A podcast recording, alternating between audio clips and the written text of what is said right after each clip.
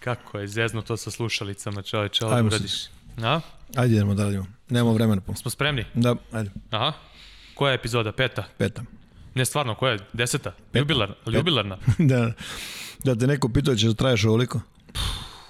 Svećaš što smo pričali na početku? Ti si pričao, nisam ja. ja ostajem po tome, ovo je moja. Ti si zadužen da, da držiš ono... Da nas držiš na zemlji, što se kaže. da, da. Hvala. E, kad bi znali ljudi na kakva su dva lika naleteli. Ne, A? pa no, znaju. A? Pa znaju. Nema ništa da se, da se proslavi, nikad nema... Samo Pa dobro. take it easy. Ovaj, deseta epizoda i o, ovo prošlo je bilo stvarno onako ako je merilo uspeha i broj e, pregleda, onda je bila vrlo uspešna. Jel? Jeste. I hvala Bogdanu još jedan pošto je odvojio vreme i došao ovde, ovaj, kako bi se reklo, puna neke pozitivne energije i nadam se da se to videlo. Mm -hmm. I ovaj, nadam se da će ljudi nastaviti to da, da, da gledaju.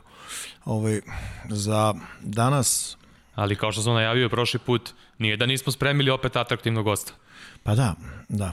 Ovaj, uspeli smo dođemo do ovaj, Etora Mesine, ne znam da sam dobro izgovorio. Da, et, et, eto Remesina, da. Etora Mesina, ovaj, koji je isto stvojio, ovaj, odvojio vreme da, da porazgovara s nama gotovo sat vremena i vidjet će ovaj, naši gledalci, čuće i, i slušalci da je ovaj, zaista bio ja mislim iskren i otvoren u onome ovaj, što priča i da, da je to stvarno onako ispolo gospodski sa njegove strane. Što se tiče sadržaja, proći ćemo ponovo po uobičajenom ovaj, Eurocup, Euroliga, imat ćemo neke klipove, možda malo ovaj, duže ovaj, nego što je uobičajeno. Um, zato što ćemo prvi put da radimo hronološki neku analizu, čisto da, da vidimo kako će to da ispadne. Možda, možda je zanimljivije ljudima. Mm -hmm. I ovaj, to je to. A re, sad kad smo pričali Ti malo... ćeš na početku da kažeš ovaj, nešto o ja ću- NBA. A, e, a sad sam to teo ti kažem. Ajde. Malo pre kao pričamo nešto kao koje ćemo teme da dotaknemo i kao NBA i nećemo mnogo, čoveče, rešeno finale mi, u, posle prošle epizode, jel tako? Ja ne znam, smo pričali nešto. Pa pričali smo, najavljivali smo, znači mi smo snimali pred poslednju utakmicu ja, koja je rešena, znači, znači, rešeno ne je finale, mogli smo da ne spomenemo to uopšte, evo, slučajno se setio. Da. Ajde, ostavimo za sledeće da pričamo o finalu NBA. To, a? Pa- Ajde. Ovaj, mislim i onome svemu što što se ovaj izdešavalo u samom finalu i, i Ovde ćemo da, da, Mislim da- ovde ćemo mislim da, da- čačnemo, da čačnemo ovih par da, nekih ti ćeš da vesti. čačkaš. A, da, ti neke. ćeš da čačkaš. Dobro, ponosno Ali- čačkalicu. Da, ali generalno ovaj mislim da da ćemo svi ovaj moći da se složimo da je kako smo se nadali od tog balona iz Orlanda, ovaj ispalo je više nego dobro Više i, nego i dobro, da. Svaka im čast. I naročito ovaj to ima kako bih rekao neku vrstu težine. A kada eto zbog onoga što se dešava oko nas svakodnevno ovaj te priče o, o nekakvim pokušajima a, organizovanja nečeg sličnog u Evropi su sve onako ovaj a, aktuelnije. Mm -hmm. Za sada a, nekog a, pod jasnog rešenja nema. Krenulo se sa idejom sa 20-0 bez minus boda. Je, se tako, je li tako bilo?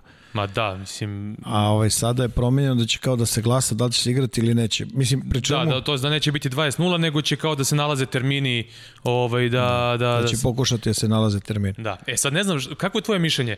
E, Da, ok, sad ne možemo mi da pričamo, ja ne volim da se mešam u neke stvari koje ne znam 100%. Znači možemo samo ovako da se zapitamo sa strane, ne volim da pametujem nešto kao da ja sad kao tu pričam trebalo je ovako, trebalo je onako. Verovatno da Euroliga ima svoje razloge i sa sponzorima i kako to se fin, finansijski mora da funkcioniše i tako dalje i tako dalje, ali negde sa neke sportske strane, sa s- sportskog gledišta, nekako, ne znam, neke stvari mi ne deluju pravedno. Prvo to 20-0, e, da kažnjavaš nekoga zbog, ne znam, toga što su mu igrači bolesni.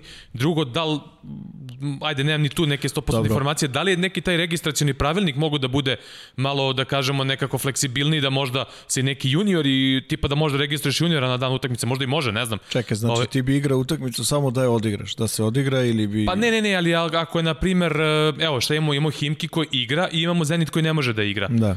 Uh, Himki igra prilično oslabljen, Zenit ne može da igra, a ne znam, možda bi jedan junior, na primjer, mogu da napravi razliku da igra i Zenit. Lupam, znači sve to hipotetički. Ove, ali dobro, nebitno sad to. Uh, Generalno, po mom mišljenju, je nepravedno tih 20-0 i, ovaj, i sama cela ova priča o halama gde negde može da bude publika, negde ne može da bude publika. Pa to je meni, to je meni isto vrlo zanimljiva stvar. Vidi,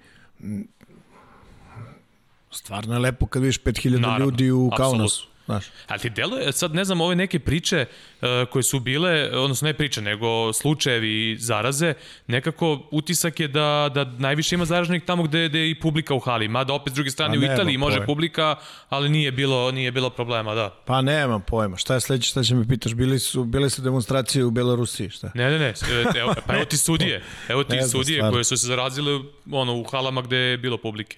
Ali dobro, to su sve Ne, nagađanja. genera, ne, generalno samo bih da se nađe neko pravilo i da je pokušano da se, da se igra ovo što duže, što dalje, ako to bude uzelo, kako bih rekao, više maha, prosto, ne znam, ponovo neki prekid ili ne znam šta već, ali mm. ovaj,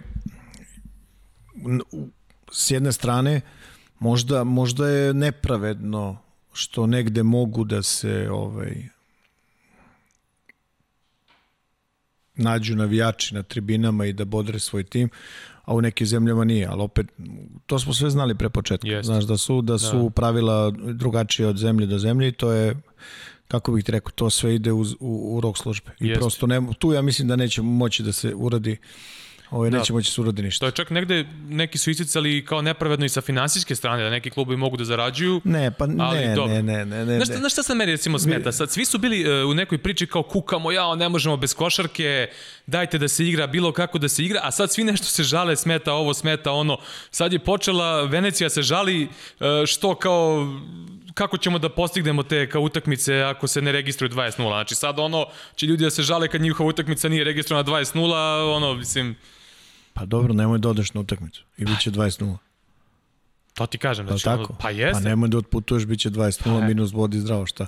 Mislim, ili imaš ili nemaš, uh, po znacima navoda, neku ambiciju takmičarsku, a s druge strane imaš i sportsku. Jeste, jeste. E sad, Mislim, takvo je vreme da, da svi moraju da se prilagode i jasno da će biti dosta nekih uh, ne, nepravednih stvari, ali generalno što meni najviše bode oči su ove dve stvari, 20-0 i, i publika u nekim halama, u nekim ne. Te dve stvari su onako, da kažemo da se os, osvrnemo samo na nešto što je sam sport ono, i utice na, na, na rezultat utakmice. da.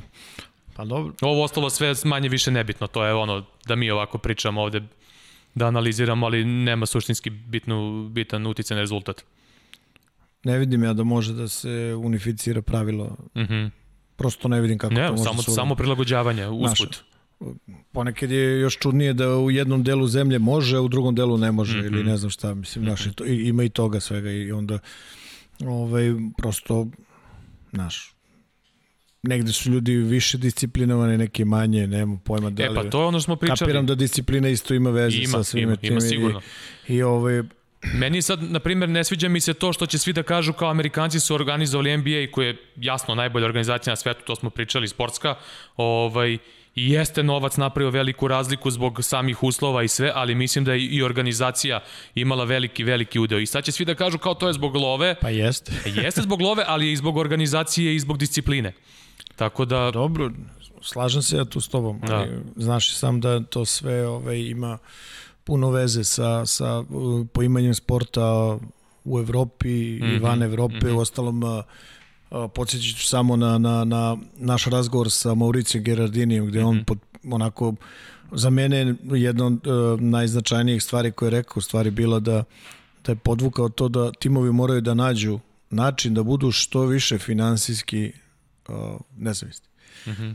Sad trenutno ovaj, vrlo je teško naći, naći organizacije koje po znacima navoda prave novac od ulaznica ili, ili da. ovaj, prihodi na, na, na tekmama od ne znam čega, od, od prodaje rekvizita dresova ili eventualno osveženja hrane i tako dalje.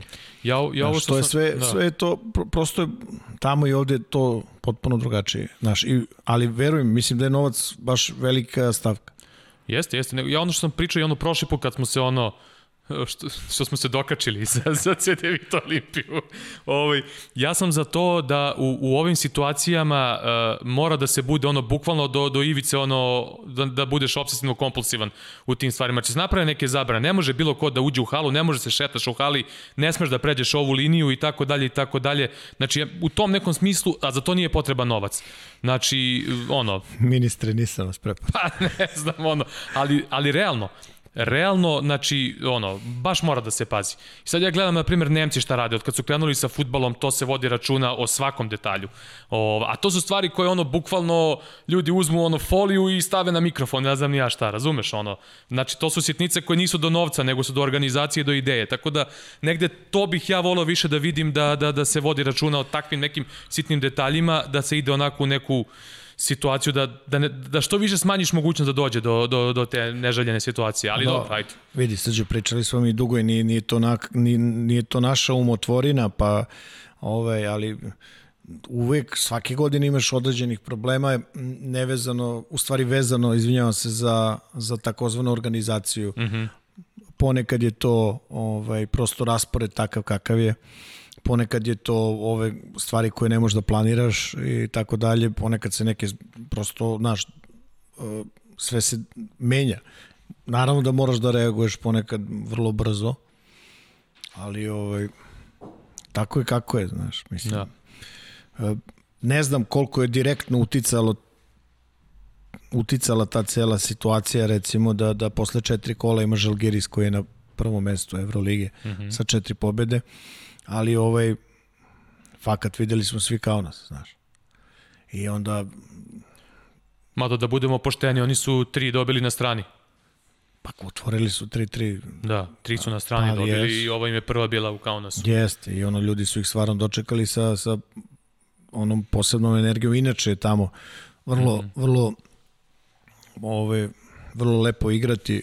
Mislim, pričamo o tome kada ovaj, ako, ako ceniš takozvanu ono, malo ovaj, žešću atmosferu, znaš, ako, ako, ako poštuješ takav način podrške klubu. Mm -hmm. Znaš, kao nas je uvek, uvek bio mesto gde, gde je ono 100% i s puno energije ti ljudi dolaze i prate ovaj, domaći tim.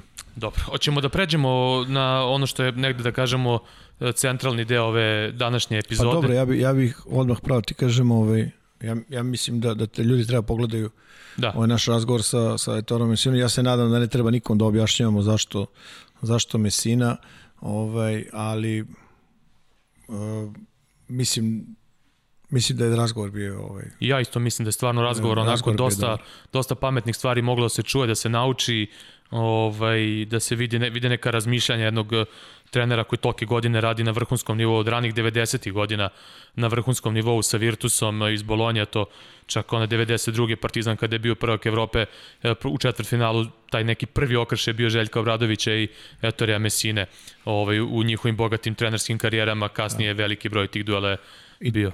Da, i, i vrlo interesantan za nas zato što pokušava da, da u evropsku košarku vrati tu, tu instituciju a, trenera kao prvog čoveka kluba. Mm -hmm. Praktično ispod predsednika je Mesina. Ovo ostalo on će pričati o sve o tome pa. Da, ništa. Da slušamo sada to. slušamo intervju sa Etorio Messinom. Hello, coach. Uh, first question uh, about uh, I don't know. Let, let's start with uh, with the NBA. Uh, what was your uh, main goal when you decide to to leave uh, Europe uh, as one of the best coaches ever? and to take the assistant coach role in, in NBA? Well, the main reason was to uh, work with uh, Greg Popovich. I always respected him and admired him, and uh, we had a good relationship before, uh, in the years before. And also, I just wanted to uh, leave with the Spurs. I think the Spurs are the the best organization in the world, sports organization, because of the way they do things. They win, they lose, and they move on. And they have a lot of attention to the people. Uh, they have a lot of attention to their values, um, and you know, I just wanted to be part of that, and uh, uh, because they they are different, they're different, and uh, I thought it was a, uh, a unique opportunity, and uh, you know, back then it was 2014, and I'd been I had been head coach for 24 years, mm-hmm. so I thought, why not? Let's take this this opportunity. Perfect. And um, and I took it. I was very very honored, uh, and you know, I just I was excited. And we had five incredible years, myself and my family. We spent five years there, and uh, you know, they've been five great years, uh, not only for basketball, but especially for life. So one of your famous quotes was uh, "Great organization have, choose." Do I have do I have do I have famous quotes? yeah, yeah, yes. Thank actually, you. you. do. Thank you, coach. Thank you, coach. Okay. I'm really, okay. I'm really grateful. Actually, you know this one. Uh, pretty sure. I'm pretty sure. So, great organizations choose principles over people. Oh yeah. And that, sure. that's that's one of your most famous and the one that I like the most. And Spurs are pretty much that type of organization. Am I right? That's exactly right. You you said everything. They and uh, and the second quote that is not mine, but it's really uh, embodied by the Spurs. Is that in good teams, coaches hold players accountable. In mm-hmm. great teams, players hold players accountable. And when you have the opportunity to live uh, with Tim Duncan and uh, Manu Ginobili and all the other players there, you understand what, what is the meaning of this quote. You really understand. Okay. Perfect. So could you could you say something for our viewers and listeners? If you just let's spend some time you comparing the the way of coaching in Europe versus a way of coaching in states. And I'm asking about your personal mm. uh, personal opinion. I understand the roles were uh, different a little bit, but as far as I know, that you you had a pretty good impact in Spurs stuff. So I'm just asking you if you can say uh, something well, about the differences in a coaching job. Well, um, first of all, some uh, technical differences. Um, in the NBA, uh, most of the good teams have two or three superstars. And they say that if you have one superstar, you might make the playoffs. If you have two superstars, you will be in the playoff. If you have three superstar, you are surely uh, a title contender. That's what they used to say. So the impact on the game about those players are really it's really really important. And uh, uh, I think the people, the fans, and uh, the press evaluate you as a coach if offensively your system managed to use those two or three superstars in the best possible way and if you're capable to put the ball in the hands of those players as much as you can. It's not the same thing if you lose a game and your two superstars had uh, 30 and 30, or if you lose a game and your two superstars had 15 and 15. It's not the same thing, which is different yeah. from Europe somehow. Yeah, yeah. yeah. Uh, Europe is more similar to college. We have our great players, but you know the way the team uh, performs is more important, I think. Uh, defensively, it's the same. Defensively, you want the other, the opponent, to beat you without using their superstars. So it's not the same thing if you lose and the opponent stars scored 60 points on you, or if you lose and you manage to hold their stars to less than what they usually do, and somebody else, let's say, surprised you. So it's a little bit different the way uh, your job as a coach is evaluated. Um, Second, the 48 minutes make a huge difference yes. with respect to the 40 minutes. People have no idea how different is the uh, coaching a game in the NBA with respect to coaching a game in Europe. Uh, 48 minutes in terms of rotation of the players, in terms of how many minutes a player can stay on the court, um, it's completely different. And uh, I would like also to say that uh, in the NBA, I'm sorry, in Europe, if you're down 15 in the middle of the third quarter, most most likely the game is close to an end. in the NBA, you're down 20 in the middle of the third quarter. You still have 12, 18 minutes to play, which is almost half of the game in Europe. So there is still a chance, you know, uh, because of the length of the game.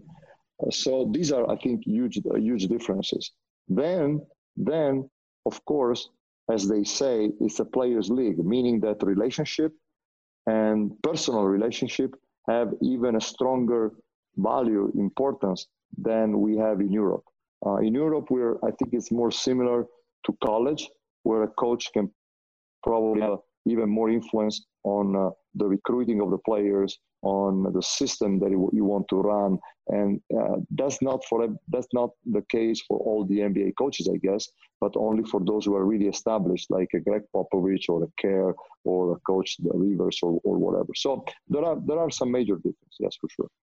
Okay, that's that's that's a good start for my next question. Actually, so we know there there are simply two ways. If you are on the top if you are on the level of coaches that you mentioned, like Greg or Doc Rivers, actually, and then there's a style of coaching. You can select players.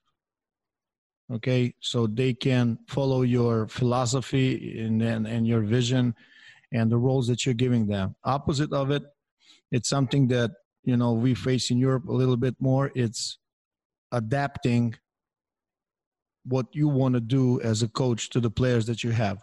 Would you agree uh, on that? Well, I would like to say that probably both in America and in, in Europe, with very few exceptions, you coach the team that you receive. You can have exactly. an input, an input, exactly. but not that much. And at the same time, I would like to say that especially in Europe, uh, the more we go on, and the more is important how you build a team, how you the players that you select, rather than how you coach those players. Because you have less and less time to coach. You have less and less time to, to let's say uh, influence the let's say the philosophy of a, of a franchise of a club. And uh, so you better be lucky with the selection of the players and uh, move on from that. Rather than thinking i get these players and now i will coach them and i will get them better in six seven months. Maybe in six seven months you're not there yeah, unfortunately, it's more of we are becoming more of the managers than coaches slash teachers or like in a like in the past. It's, it's true it's true but it's also the system that doesn't help us. Yeah absolutely coach but let me add one thing. Uh, this is more a question. What is the sense that this year because of the covid finally we had the opportunity to have a preparation with all the players without the national team players coming at the end of September. And after one week, or first game of the regular season, or after two weeks, first game of the EuroLeague. So, what is the sense that we, as a as a uh, organization, we accept that we put together teams, and we don't with teams that are worth a lot of money, and we don't even give the coaches and the players a chance to prepare yes, for the season enough time because we cannot we cannot sit at a table and find an agreement on the schedule of the season between FIBA, EuroLeague, and national leagues in order to make some sense in what we're doing. It makes no sense that players play all summer. I mean, we're talking about the top players, and then they arrive in their club, they are just exhausted, and then in the middle of December, everybody is destroyed with injuries. I, to me, it doesn't make any sense. And we continue like this. And one of the little things, one of the very few good things that happened this year is that at least we had a good preparation. At least that. Yeah, it's mm-hmm. almost like everybody's following only their own interest. It's literally Absolutely. like that. It's literally Absolutely. That. And I'm not sure Absolutely. that time will give us positions, you know, being closer to any kind of agreement. I just don't see that. Maybe I don't know enough about it, but simply I don't. I see don't see the will. Yeah. I don't see the will. Which is the worst. Exactly. I don't see the will. And we hide also uh, strong. I, my feel is that the economic reason are sometimes something that we hide behind behind those economic reason not to sit and give up something personal in order to reach the good of basketball for the community and this to me is very very sad extremely sad. Yeah, one of my questions was about uh, uh, COVID situation. How did you adjust as a coach uh, um, in this COVID situation? And uh, regarding practices, organizing practices, uh, organizing preparations uh, in Italy, you had a lot of competitive games against a team from from Serie A in Super Cup. how how did you prepare and adjust to to, to the situation? Uh, honestly, it was not that complicated. Um, the most complicated moment came, I think, uh, at the end of the lockdown in May, mm-hmm. because all our players were working at home, those who stayed in Italy, and uh, and they were the majority. And after we had uh, four straight weeks of individual work, that on one side was really interesting because we could do a lot of teaching, a lot of fundamentals. And that was very, very, I think, helpful for the players. On, on the other end, physically, it took, it took a lot of time to the players to get back to their normal shape. The second difficult moment was when now all our foreigners came here in Milano and they had to come in the middle of July because they had to serve a two weeks quarantine. So that was another tough moment. But what you mentioned, the Super Cup that was organized by the league, I think it was very important because it was very difficult to find the preseason games. Mm-hmm. Like this, we had the opportunity to have uh, all, all teams had the basically a preseason, at least six games of preseason. And uh, so it was not the, you know what is very difficult for all coaches and players that we do a lot of, of uh, tests, a lot of swap tests, you know, because of uh, the rules of the EuroLeague, the rules of the national leagues. And you never know. Maybe one day you do the test and your two best players are positive. So now, you know, you are in an emergency situation. It's like it's like having having sudden injuries that you cannot expect or control. And this will go on all season long, I think, for all teams. We need to hope and pray that they will find this vaccine, I think. Yeah. And um, coach, uh, you touched it a little bit uh, earlier about uh, superstar teams. And during yes. your in, during your career in Europe, you coached teams packed with talent. You were you were working on the highest possible level. Obviously, not because of you were lucky. I think you earned it. And well, no, I was lucky. I was I was in clubs that always had owners who were capable to put together uh, teams with great players. I was very lucky. I know that. I mean, yeah, but for some reason, it was about. you. No, no, of course, but for some reason, it was you, not somebody oh. else. yeah. Okay, so if you could tell us a little bit more, I think fans like that. Can you compare superstars teams European version against superstar teams US version, NBA version? Just a little bit more details if you if you can if you can uh, say something about recruiting them coaching them you know just leading them through the season hmm. Uh, it's, it's an interesting question i see a lot of similarities uh, i mean uh, let me give you an example i was lucky in my career to be in the same team with uh, two players like Sasha Danilovic and Kobe Bryant. 2 mm-hmm. different players, of course, but I think from a personal point of view, with the same um, kind of uh, strong, hard way to push their teammates with their uh, example, with what they were doing on the court, with their tough, let's say, love that they show to the players, to the teammates, you know, they, it was not easy to play with these two players. It was not easy at all, but they were, you know, leading their teams in, in, in my opinion, in my humble opinion, in very similar way. Uh, on the other end, I had, uh, I was in the same team with Tim Duncan for three years, and uh, with uh, I don't know. Let me give you a different example. With Antoine Rigaudot, for example, the French pointer, mm-hmm. Mm-hmm. very calm, very quiet, a different kind of leadership, but still very strong leadership. So I saw different way of leading and different way of performing, and uh, I mean it's been an amazing experience. And I don't see differences in in the way you can show leadership between Europe and America because it's the same story. You can have a tough leadership, you can have a more, let's say, quiet leadership, but it's always so important to have leadership and I was very very lucky to have players um, who were showing this this leadership. You know, And uh, the other thing is the ability to play under pressure, yeah. which is not common to most of the people, but these great players have, and also the will to be coached, maybe to challenge you as a coach, but also the will to accept to be coached. You know, I think I think it's uh, um, so I don't see great differences because great players are in all sports, in all different situations, are very similar. I think. Yeah. And, uh, Sorry. Their their you know their determination to to to make things happen, even when everything seems against you, that kind of strength is is uh, to me something that I always admired in these players.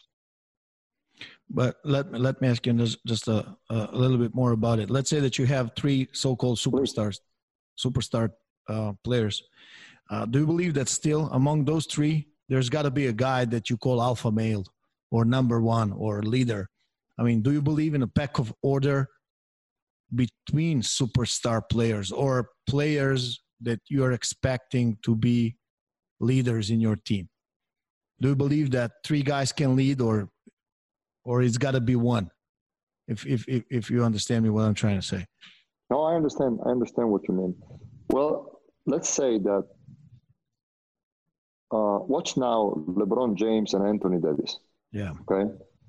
And uh, they are leading the the lakers probably to a championship. And of course we can say any of us can have a different opinion and say well the two of them are doing it together. Or uh, maybe there is a more the input of one of the two, which is LeBron, or maybe the one of the two is Anthony Davis. I have no idea. The result is that they do it, and they are basically the emblem of that team. And uh, the Spurs had for years Duncan, Ginobili, and Parker.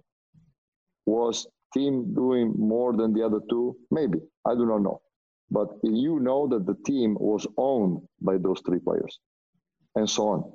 You know, and even in the great Yugoslavian teams that you have had with the national team, for sure there were three, four players, but at the end of the day, a couple of them were really leading the way. one and you two. know, one and two probably. I think. You know, Yeah. so it's it's uh, the you know what is the problem? The problem is when you have groups without leadership, Yeah. and they expect you as a coach that you pull them, and that's not possible because So they are the think- more yeah.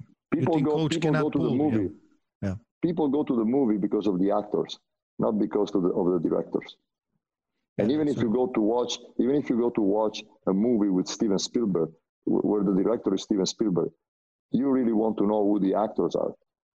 You don't you don't go so easily to watch a steven spielberg movie if you do not know the actors. But you go for sure if al pacino is there and meryl streep is there. Yeah. because you, that's a guarantee of success. So that's why people go to the movie that's why people go to the games because of the players. Yeah, but sometimes you need to st- step up as a head coach.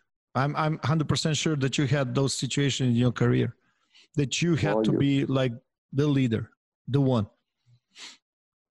Uh, I, I would I would rather say that you have to be more a facilitator. I think, Okay. Okay. and you you you you are successful if you manage to to facilitate that leadership from the players. I think. I would rather put it like this. I I agree with that. I agree with that. Coach, uh, you are uh, in Europe again uh, on the highest level in EuroLeague. Uh, how NBA has influenced uh, your your coaching philosophy, and what was the main changes? Uh, um, I had a lot of let's say impact from how they handle the workload in in direct connection with with so many games.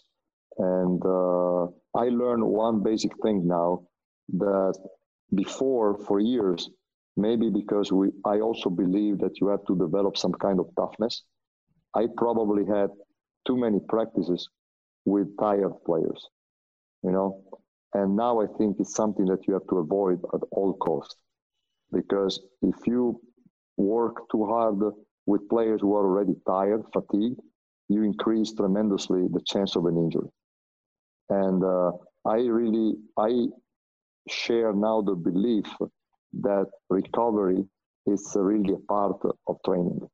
Yeah. Otherwise, you don't go anywhere. And, and and it's more it's more important. It's maybe better shorter and intense than longer and half, uh, uh, let's say, power. You know, I think that that's that's what I learned there. That's what I think is important. I think it's important if you expect them to play offense and defense. I don't think there are many players who can play more than seven, six, seven straight minutes. And uh, so I, I saw a lot of that, and uh, I learned a lot of that. Um, for sure, there are a lot of things that defensively and offensively you can bring back. But for example, uh, you know, our league in Europe is different. Uh, there is less athleticism, and uh, you know, I think we have very good passers and very good uh, shooters. So probably, uh, you know, give you an example. Uh, nobody in the NBA denies the ball reversal. You can easily change the side of the offense. Yeah, swing the with, ball from uh, with, side. We swing the ball. It's very easy. In in Europe, this is not happening. Uh, nobody allows you to swing quickly the ball from side to side. So that's something that you have to accept, and that's something that you have to you know handle. So there are, I think, something that some things that you can, let's say, copy from what from what is the usual playbook of the NBA, and something that doesn't work here, you know, because of the aggressiveness of the players uh, and of the defenses. So it's, uh, but still, you can you uh, you can steal a lot of stuff, you know, baseline plays, sideline plays, dead ball situations. I think it's. Uh, uh, I mean, you can find a lot of good uh, input in, from the NBA teams for sure. Let me ask you one thing, Coach. Um, not Please. sure that fans understand uh, how hard it is to play one night on your physical, emotional, and psychological highest level, and then to be able to play in two days on the same level or back to back. So, how you I help agree. your players? Can you can you I say agree. something about it? Because I I from the coaching standpoint, I think that's one of the biggest challenges that we are facing during the season. How to? I agree you know, with you. I agree with you 101 percent, coach. And to, how let me keep start them on a high level. Let me start. Let me start with a, with a little story. Maybe you might like. My first year with the NBA, um, I faced the back to back, and I remember we were on the road, and after the game, we took the plane and we arrived in the new city more or less at three o'clock in the night and I remember I, I was in my hotel at 3.30. Okay. And then at 10 a.m., I remember we had the coaches meeting and we had breakfast meeting at 11 because at, at uh, around 4.30, the first bus was already going with the players to, to, the, to the arena. Yeah. And I realized I put myself in Tony Parker, Tim Duncan, and Manu Ginobili's shoes, talking about the three stars of the team. And I was thinking, these three players, they have to score between 50 and 60 points tonight for us. Yeah. Otherwise, we do not win. So I was thinking, you are an NBA player and you you had to play full speed and full effort. Then you take a plane, then you go there in the morning, and then and then you are there and you know that if you do not put up a double double, your team will lose. Think about that. And and I, w- I was really you know impressed by that because we have a feel. I had a feel when I was in Europe that in the NBA it was somehow light and easy until playoff came, you know. And then once you're there and you have 82 games in 163 days, as a coach, you realize you're tired. you realize you're very tired. Yeah, yeah. And so, and then I came back here and I start coaching in the EuroLeague. And there are these weeks where you play Friday and then you come back home and then Sunday you play in the league. And everybody is fired up to play you in the league because you are the team that plays in the EuroLeague. Yeah, they're waiting they for not. That's exactly right. They waited for four days. They prepared, and they they're making every shot because they're playing with no pressure, and Absolutely. the ball for you is heavy, and you're tired. So I think uh, again recovery, and I I don't have a practice between those games. If we play Friday and if we play Sunday, we just do recovery, recovery, stretching, and film and I trust the ability of my players to, let's say, learn about the opponent through a very short meeting and very, you know, and the use of, of film. I don't want to use their legs. I, I just, uh, I cut shoot runs in the morning. Every time the game is, uh, uh, let's say, before uh, six o'clock, I don't have a shoot around. Yeah, no, no, and, no uh, morning. Yeah. No, no morning shooter. I want them to sleep. I want them to stay home. And we meet at the arena uh, maybe 15 minutes earlier and we talk again about the opponent.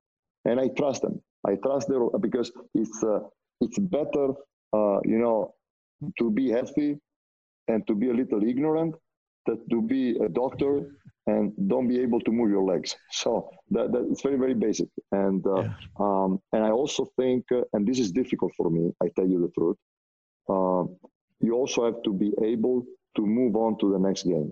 Like we we always say to the players, okay, okay, next play, next play. Don't worry, you made a mistake. Don't worry, next play.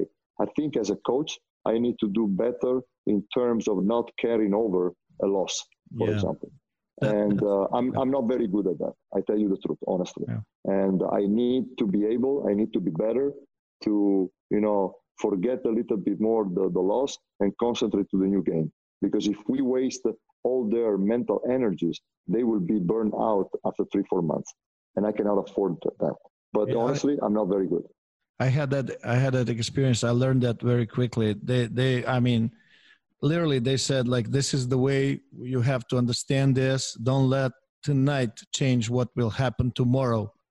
Okay? Yes. It's it's over. Forget it. And I was like, no, no, no, we did this. We made this. No, no, no, no. It is I over now. It is over now. Just know, think about no. It's of course, and I had a hard time with that, Lim.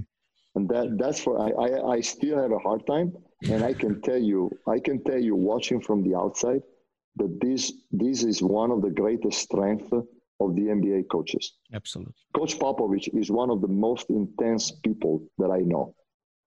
And at some level, he's capable to stop it and focus to the next game. And, and more important, to turn the negative into positive.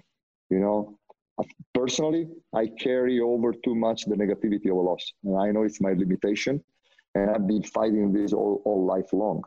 But you know, this is very, uh, I think, very uh, difficult for uh, for us. There is a reason also.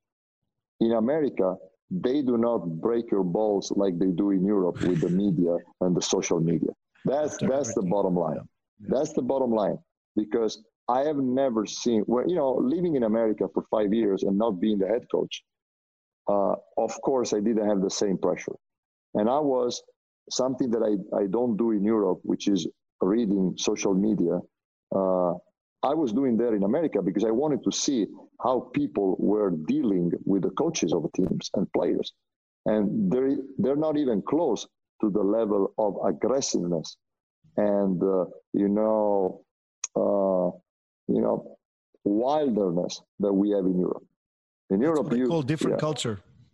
That's exactly right. That's exactly right. That which is the same reason why they go to the games, and it's more you know a party. You know, yep. it's more a, a, a, happy environment rather rather than there is more making fun uh, with jokes or whatever, but people are not so aggressive.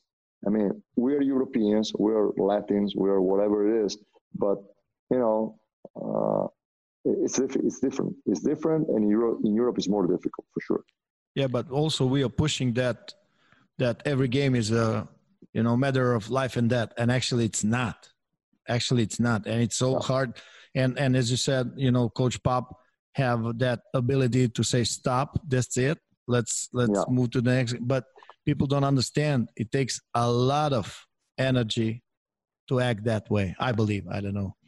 I agree with you but coach there is also there is also another important reason uh, for making it more complicated in europe.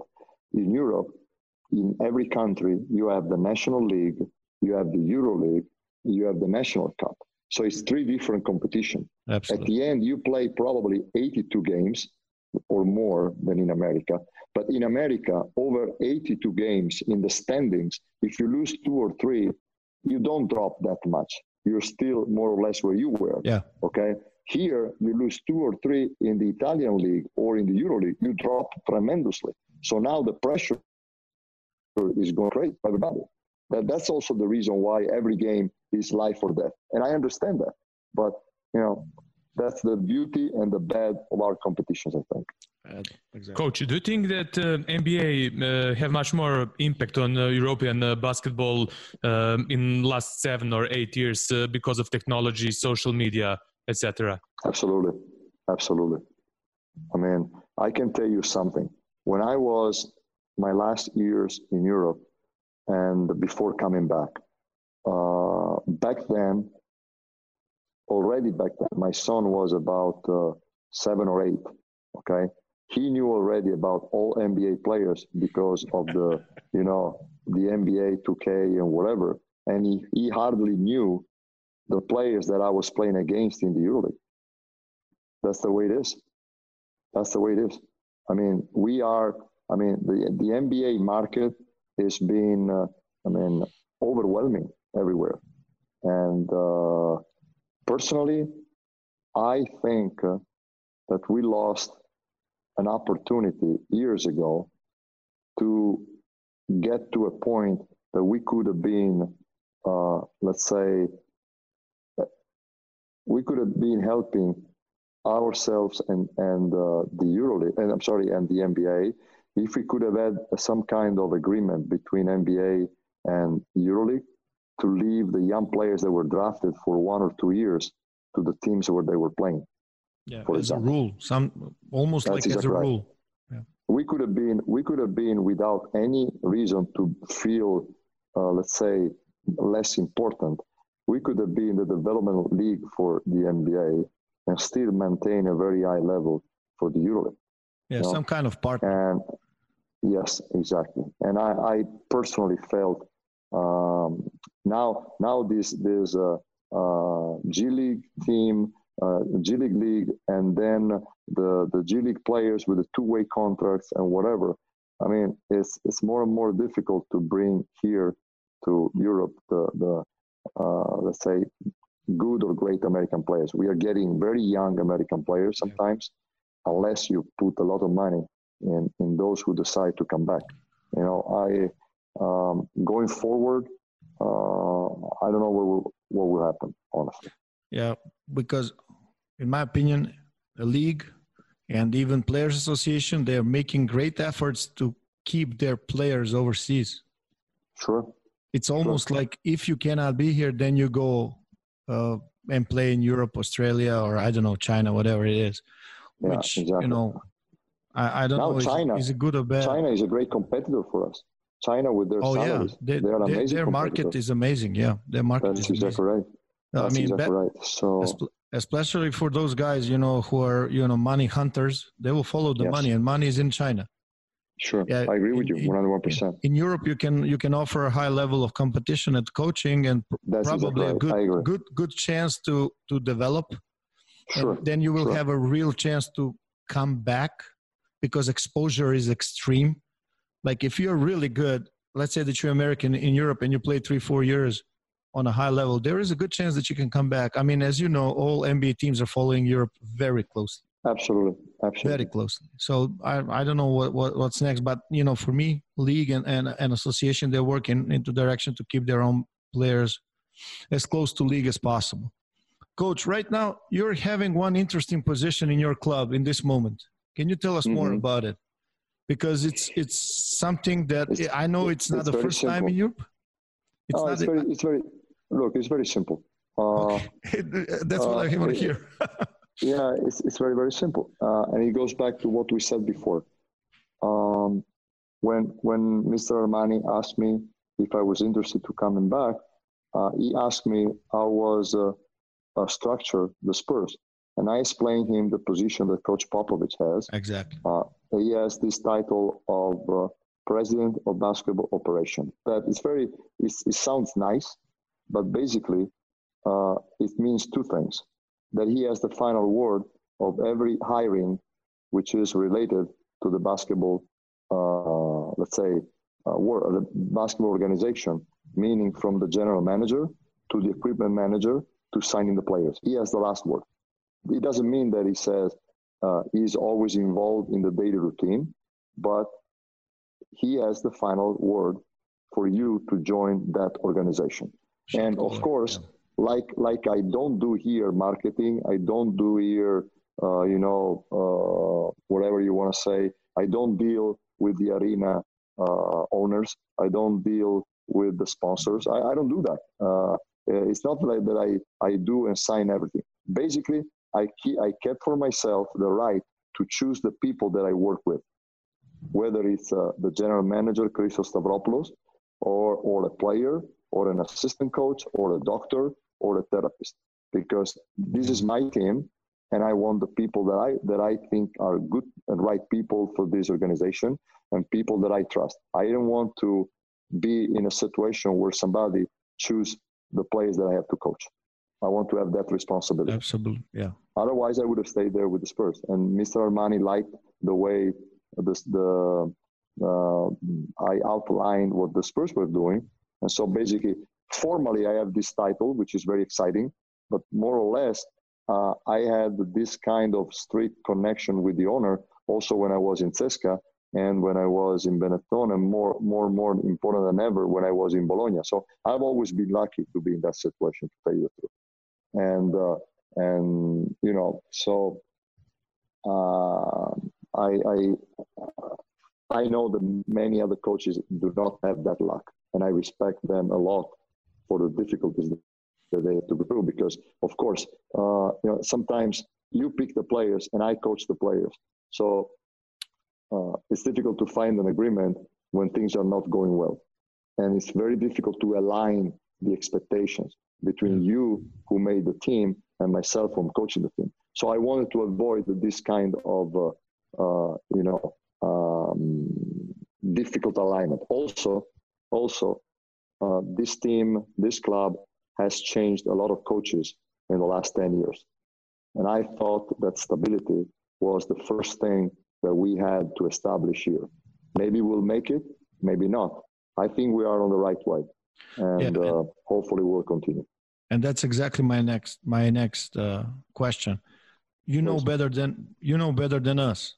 Most of, or I don't know percentage, but most of the contracts in Europe. I'm talking about every level of pro basketball. Mm-hmm most mm-hmm. of the deals are one year deal mm-hmm. for coaches, for players. And as you said, stability is so important for every organization to grow.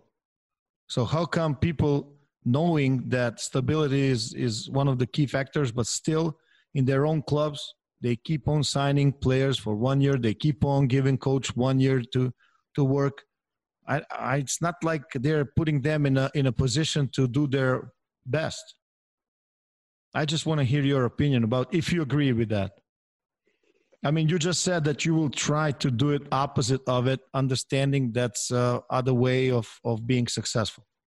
Well, I was offered I was offered a long term contract, and I took it, and uh, so that was the first proof that Mr. Armani wanted to have, to have stability, that he shared the same opinion.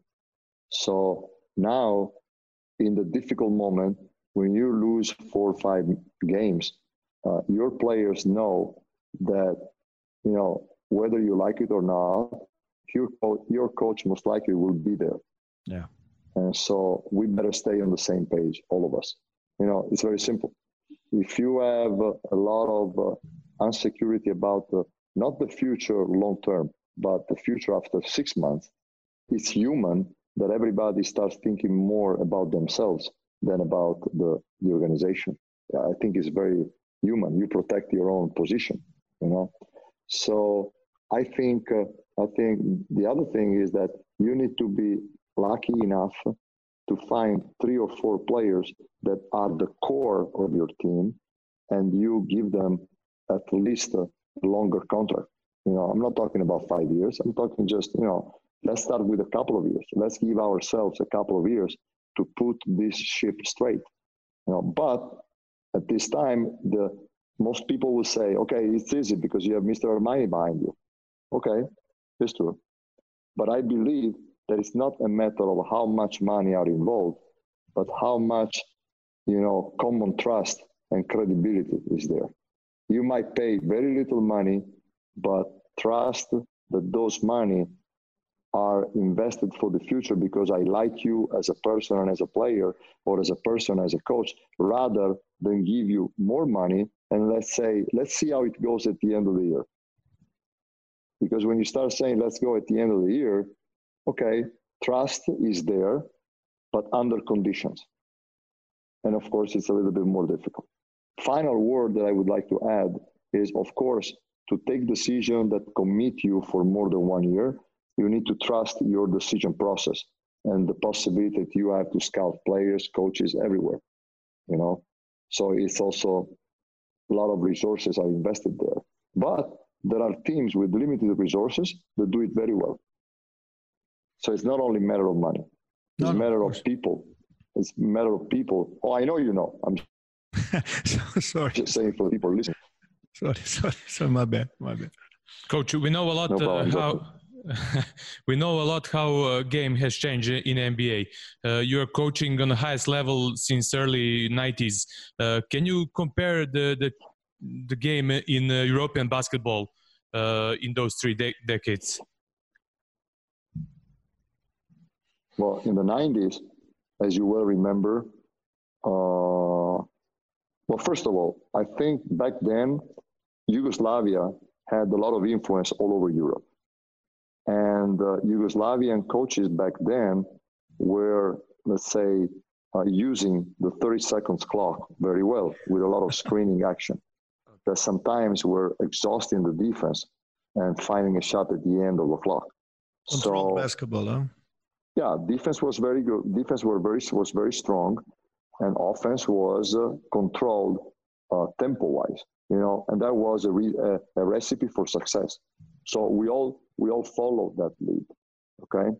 Then in the 2000, they cut the clock to 24 seconds, and we all started to, uh, let's say, understand that the earlier you were giving the ball to your best players, the best was coming because with 24 seconds you didn't know you didn't have the guarantee that at the end of the possession it was easy to get the ball in the hands of your best players Okay, so that changed, and uh, teams started to look for creating an advantage right from the beginning of the possession instead of running some delay action the first 10, 12 seconds to get the defense tired.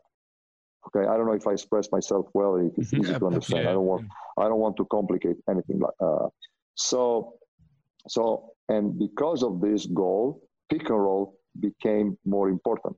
Mm-hmm. Okay, pick and roll became more important and post ups and, and screening for shooters became a little less important.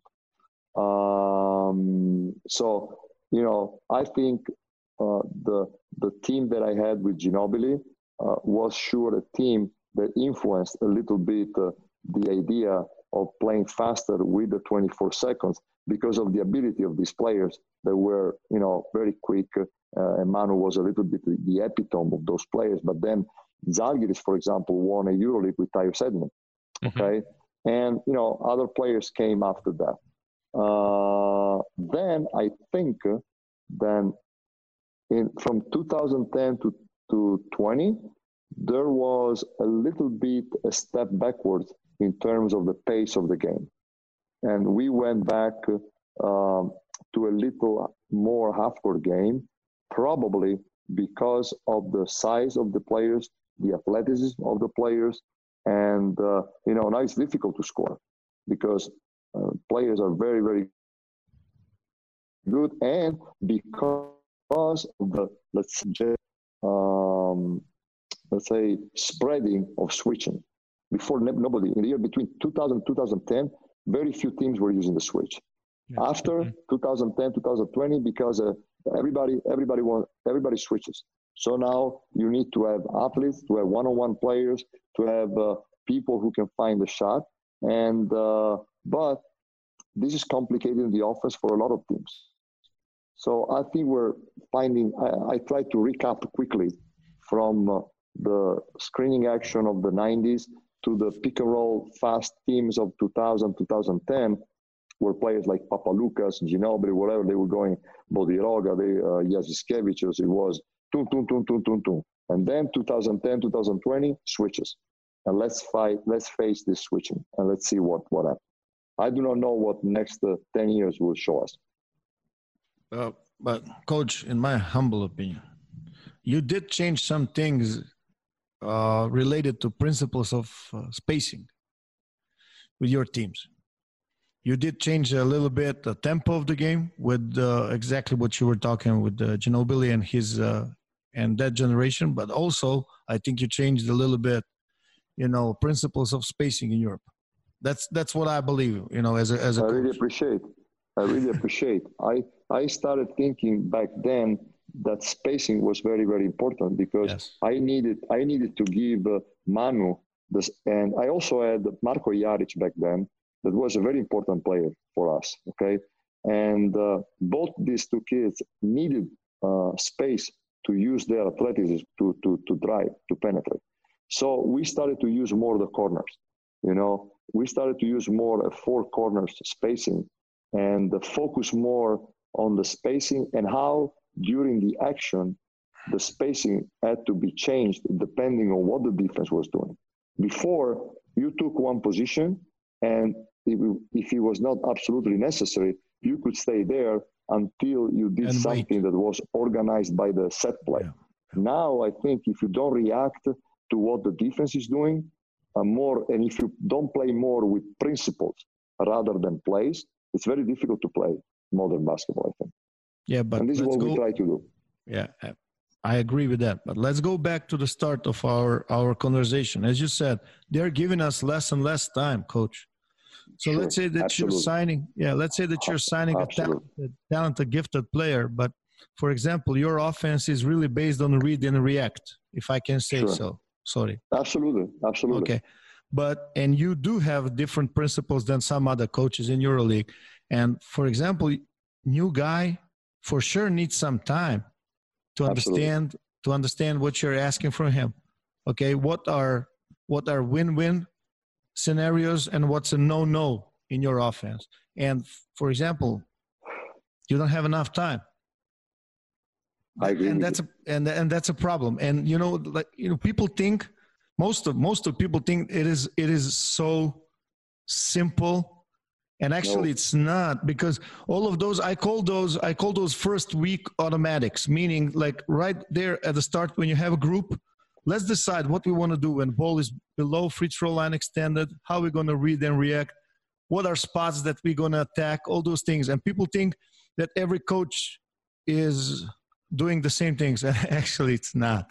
It's totally it's not. totally different. And that's why i don't like when they say let's play basketball actually basketball means a little bit for messina and a little bit something different for anyone else you Somebody else. understand I agree. Okay. I agree with you. I agree with you. Uh, hmm.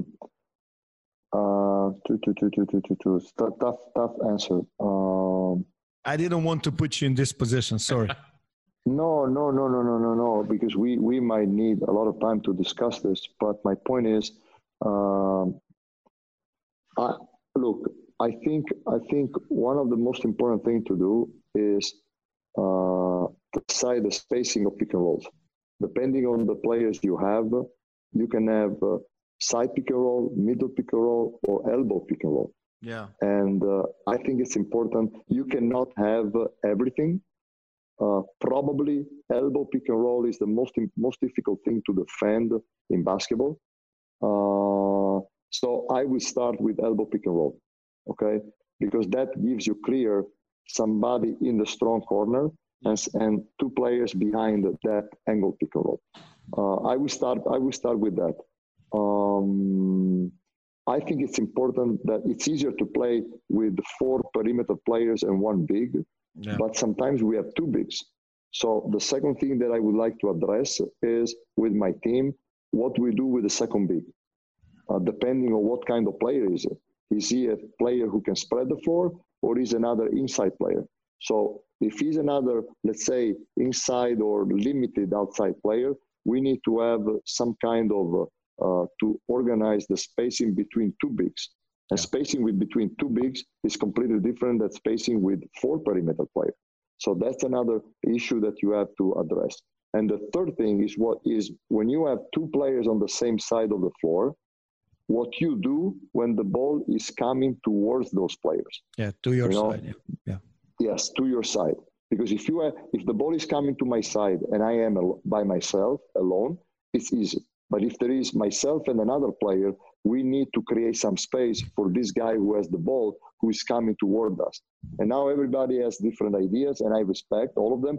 But I say, let's find something that we do that we all know what is happening to create space. Those three situations, I think, are priority uh, at the beginning for the spacing.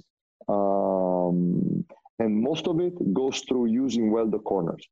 Because for whatever reason, players don't want to go to the corner easily. No, I don't know why. them. you I know? don't know. I guess Yeah. they don't like. they always lines. come higher. They always come higher, and they Higher feel than our break. spacing. That's that's exactly right. Right. Okay. So that's something that we need to make clear from the beginning. I think. Yeah, it's it's so hard to understand that actually simple is the most demanding basketball. That's absolutely right. I agree with you 101. percent And you know, everybody say, "Oh, he should do that." Yeah, okay, good. That's that's one of the reasons we're doing this podcast because, like, when they hear coaches like you, uh, maybe they will start understanding this. Okay. But you know, also you know better than me. Sometimes us like coaches, we complicate life Oh, for these players. sure. So, so Sure. I Coach, what do you do when you fall? How you get up? Uh, this is an, this is a great question. Uh, I don't know if you agree, but I think that all of us we need we need one or two players that give us energy. You know, and uh, we are lucky when you have a player that you go to the gym and this player just being there and the way he practices and the way he yeah, he, he gives you the energy to to be up. Okay, if you have a team that you have to always give them energy, Yeah. uh, it's difficult. It's difficult also for the best coaches in the world. You know, I think we need the energy of these one or two players, and that goes back to uh, why. To, uh, that goes back to uh, how you put together the team more than how you coach the team and selection. And uh, uh, personally, I have no problem in telling you that I am a very poor loser.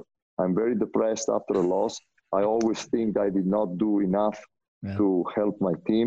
I always think that in any loss, I should have done something better to win the game. So I feel very bad after a loss. This has been like this for 30 years. Uh, but for whatever reason, after 24 hours, I watch film and I find the strength to go back to the game. But I've always been better when some of them, my players, were giving me that energy. I'm always grateful to those players. Yeah. If we want to be honest, there's just energy givers, energy takers, no third kind. Absolutely right. Yeah. Absolutely right. And if you can s- select energy givers, it, it, it's Uh, better. you're right. Coach, 101%. coach, for the for the end, I know that you are maybe not directly connected to Italian basketball on a national team level, Mhm. but I, I want to hear from you how you see Italian basketball in this moment. Are you satisfied with the with the with the talent that you Italians have? Are you Uh, satisfied with the? With this the, is What, interesting. what, We we, have, what uh, we can expect in future? Coach, we have uh, we have some. Uh, first of all, we killed ourselves in the last uh, seven eight years because we had the three four players playing in the in the NBA, and we thought that we had the strongest national team ever, and that was not true, and that put an a tremendous amount of pressure on these kids, and as a result, we didn't do we didn't do much. Uh, the best we did was twice we got fifth uh, at the Eurobasket, which is not bad, but it's not a medal. So I think now we have three, four very interesting young players playing in college, and uh, and we have some unknown Italian player who are performing well in the Italian league. And I'm a, I'm I'm I'm a little bit positive. We're far from your national team, of course, but. Uh, uh, you know, I, I, I have some kind of good feel. Would you rather build around guards or bigs? I'd rather build around good players, Thanks. regardless the position. that's, that's very wise. Coach, I uh, last, agree. last last question, and it, it, it's a joke. Uh, Please. Vlado told me Vlado told me to ask ask you about him. Vlado, Vlado Mitsov, yeah. well, We can edit this, so if you want. no, no, no, no, no, no, no. Vlado, Vlado is a, a fantastic combination of very fast brain and slow legs. And there is a reason. There is a reason why they call him the professor. and there Professor, is a reason. And there is a reason why I've been so lucky to have him both in Cesc and here. He's, Point uh, forward. he- he- Point forward. Yes, he's a great. Yeah. he- He's a great player. He's a great- I really like him so much. And and uh, the important thing is that this year I see him smiling more than ever, and I'm so happy because that gives me a good vibe because it means that he believes in the team and he will be very important for us all year long for sure. Yeah. Coach, Coach. thanks for your time. Thank Thanks you, for- thank you so thank- much, and, and thanks big hello to all the friends I have in Serbia. See you Okay. soon. Take Good care. luck. Good luck. Bye-bye. Good luck. Good luck. Good luck. Bye bye. Bye bye. Bye. Dobra priča, zaista. A, a hoćemo da nastavimo sa, sa Euroligom vezano na Mesinu. Kapiram da, ma malo, malo smo promenili redosled, ali kapiram Može. da to ima Može, može. pratimo Ovaj, neku. E, posebno što je to njegov Armani e, zabeležio sinoć pobedu protiv ekipe Reala. Da. Uspeli su da se vrate, uspeli su da se izdignu e, iz jedne teške situacije gde već igraju bez Vlade Micova i bez Kevina Pantera. Sinoć se povredio i Malcolm Delaney na samom početku utakmice, dakle tri ozbiljna ono, gubitka. Da, udarci. I plus onako protiv Reala nije lako vratiti se, posebno što Armani je samo jednom u istoriji, u ovoj, da kažemo, istoriji kako je Euroliga me- merio 2000-te na vamo, samo su jednom dobili Real, ovaj, tako da ova pobeda sinoć zaista ima veliki značaj i veliku ima, radost. ima veliki značaj. Dobra je, stvarno bila dobra utakmica, mm -hmm. imala i taj neki neku dozu ovaj neke ne, sportskog uh, ovaj uh, neke takmičarskog tog elementa do samog kraja nije se znalo šta je kako onda i, i tačno u određenim nekim periodima utakmice jedan po jedan onako i, i ovaj domaći igrač je uzimao na sebe i pravio pravo ti kažem ajde ne volim koristiti tu reč ali onako herijska neki potez naš preko ovaj, Misliš na Rike Moraskinija, jel? Pa i Moraskini i Shields, vidi, igro je izvanredno, izvanredno u jednom momentu, jednom momentu ovaj, da tome ovaj, je, je povezao to i naravno mm -hmm. Rodriguez koji je obeležio utakmicu, mislim da je igrač uh, kola u, u Euroligi, Mhm, je jeste. sigurno jedna od njegovih najboljih partija, možda i, možda i u Euroligaškoj karijeri, možda i u Euroligaškoj karijeri, ali upravo je to ovaj, onako se, se naslanja na ono što si rekao na početku, a to je da, da su ostali bez, da igraju bez tri važne igrača. I ovaj, ali ono, eto, Mada i Real isto. Pa ne, i Real, I isto ima. i, Anthony naravno. Randolph i ne znam, nije igrao Jeste, Taylor neki, pa se problema. vrat, da, ima, svi imaju imaju problema. svojih problema i mislim kad pogledaš uh, kad pogledaš ovu ovaj tabelu, znaš, ne očekuješ da Real bude na 1-3 da 1-3, startuje i da. tako dalje, neke, Ne očekuješ da Efes poreze. ima 1-3, Jeste. da Maccabi ima 1-3. A vidi, sve će to da se vidi, tokom sezone, znaš, ono, to je ona stara fraza, naš dugačke liga, stvarno jeste. Mhm. Stvarno jeste, ima Ne, vremena ne, za ne trči se na 100 metara nego maraton. Pa jeste, znaš, i, i vrlo drugo je sad tu, tu ostaje ona večita dilema, ovaj, posle play-offa dolazi Final Four. Uh -huh. Znaš, e sad da li je to najbolji način? Iz Evrolige tvrde da i da je to najbolje da je to najbolje i za, i za organizaciju iz mnogo, iz mnogo razloga Ja- ja i isto- finansijskih i marketinških i tako dalje. Ja isto verujem da ti ja ne bi imali isti pogled na, na tu situaciju, ti kao trener i ja kao komentator. Pa naravno, mislim. Da, recimo ja kao neko ko to prati, nekako meni je Final Four super ono i da se sve okupi sve na jednom mestu, e, četiri utakmice i tako dalje, publika za njih je isto vratno tako bolje, a verujem da je vama trenerima i igračima sigurno e, iz ugla cijele sezone negde možda pravednije da se igra playoff serija. Vidi, postoje plusevi i minusevi za playoff. Pa da, pa da. postoje za takozvano kup završnicu što Final Four jeste. Uh -huh. I to je to je prosto tako, mislim, naš nema nema ne ne verujem da će se menjati nešto u nekoj nekoj bližoj u nekoj bližoj u ovoj budućnosti. Uh, Meni, pričali me- smo meni to je jedina prilika da vidim Evrope malo, kad odemo na Final Four. Šalim se naravno, ali, ali le, nemoj, da mi, nemoj da mi uskraćuješ Final Four, molim te. Ne. Ove, i, I bilo je još nekoliko zanimljivih utakmica. Bayard se vratio iz velikog E, minusa. da. Bayard se vratio iz velikog minusa. Minus 22. iz velikog minusa se vratio u Istanbulu i, i ono što je u jednom momentu izgledala kao rutina za domaći tim, prosto se pretvorilo u sve samo ne u rutinu i, i Bayern je prevrnuo tu utakmicu i naneo, mislim da to prvi poraz Feneru. E, drugi, izgubili su od CSKA, onu produžetku, prethodnu utakmicu isto.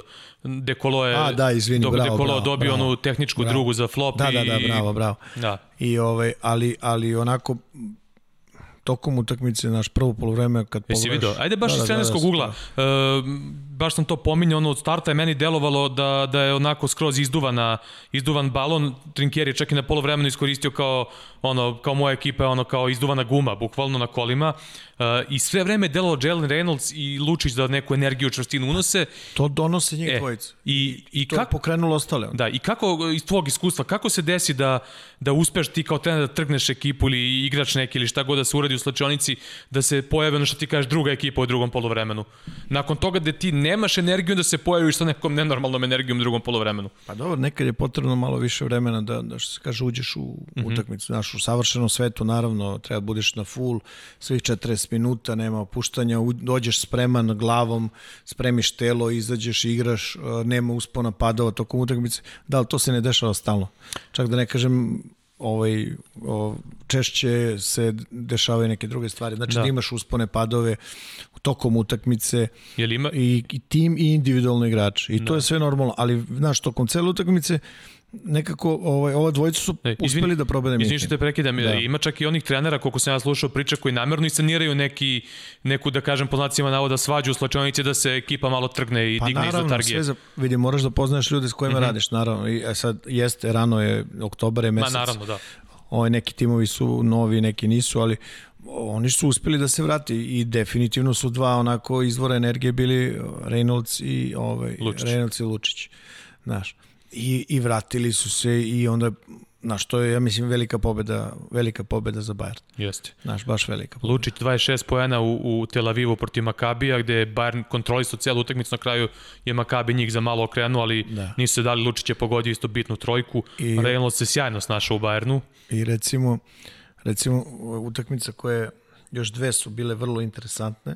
A, Olimpijakos Makabi. Mm -hmm. Ko voli neizvesne ove završnice, neka pogleda to. Čika Aaron Harrison, čovek od Kentakija, ono, Jeste. može da ne igra ništa i onda daj mu zadnji minut, sve će ti reši šta treba, ono da pogodi i juče dade onu trojku čovek. Dao je, stvarno dao trojku i eto ono što se kaže za, ovaj, za pobedu i, i utakmicu koje nisu bili briljantni. Znaš, nije, da. Da. nije Olimpijakos ne znam koliko dobro igrao i ovaj, ali eto na kraju naš jedan šut i to je ono za, za navijače to uvek osim za navijače Olimpija, ovaj Makabija, Makabija, naravno. da. ali za navijače generalno za ljubitelje košarke mislim da je to najbolje. Jeste. I jedan zanimljiv još rezultat je porast CSKA Od Albe. ovaj, od Albe u ovaj, Moskvi, a, gde je ta timska koncepcija Albe ovaj, i trenera Ita prosto o, uspela da pobedi ono što su dali o, James i Clyburn, koje ono fenomenalne partije, ali eto, ovaj, Alba, je, Alba je pobedila na kraju, čak, čak nije bilo ni, po znacima navoda, toliko neizvesno u samim u samoj, samoj, samoj završnici, ali lomio se rezultat, nije moralo tako da, da se završi. Ovaj, a, to je vrlo isto zanimljiv rezultat. Alba je došla sa 0-3 u Moskvu i nije to sad utakmica kreneš ti da se vadiš na, na CSKA. CSKA Po, ima... Posebno što u Moskvi, ja mislim, ne znam, jedan ili dva poraza se desi po sezoni i to dobije Real, možda dobije Fener, ono ranije eventualno. ali istine radi nisu ni oni Nisu kompletni, pa da, nisu kompletni apsolutno. razumeš i ovaj ali je ali je značajan značajan ovaj značaja pobeda u stvari verovatno više znači Albi pobeda nego CSKA taj taj poraz i u trećem kolu naravno utakmica koja ćemo više pričati je ovaj utakmica između a, Zvezde i ova Žalgirisa. Žalgirisa. Ja bih samo još napomenuo u ovom, do, u ovom drugom da. kolu duplog programa uh, klasik između Barsa i Panathinaikosa 97-89 nakon produžetka. Sve vreme egal utakmica pao je onako poprilično uh, testirao Barsu na toj utakmici. Držali su ih onako u ne, neizvesnosti. Barsa bez Mirotića, bez Klavera, pa se povredio Brines na početku utakmice, mada se i Panathinaikosu Kiefer Sykes povredio, ali sve vreme jedna vrlo interesantna utakmica, uh, dosta nekih uh, promena u rezultatu kasnije.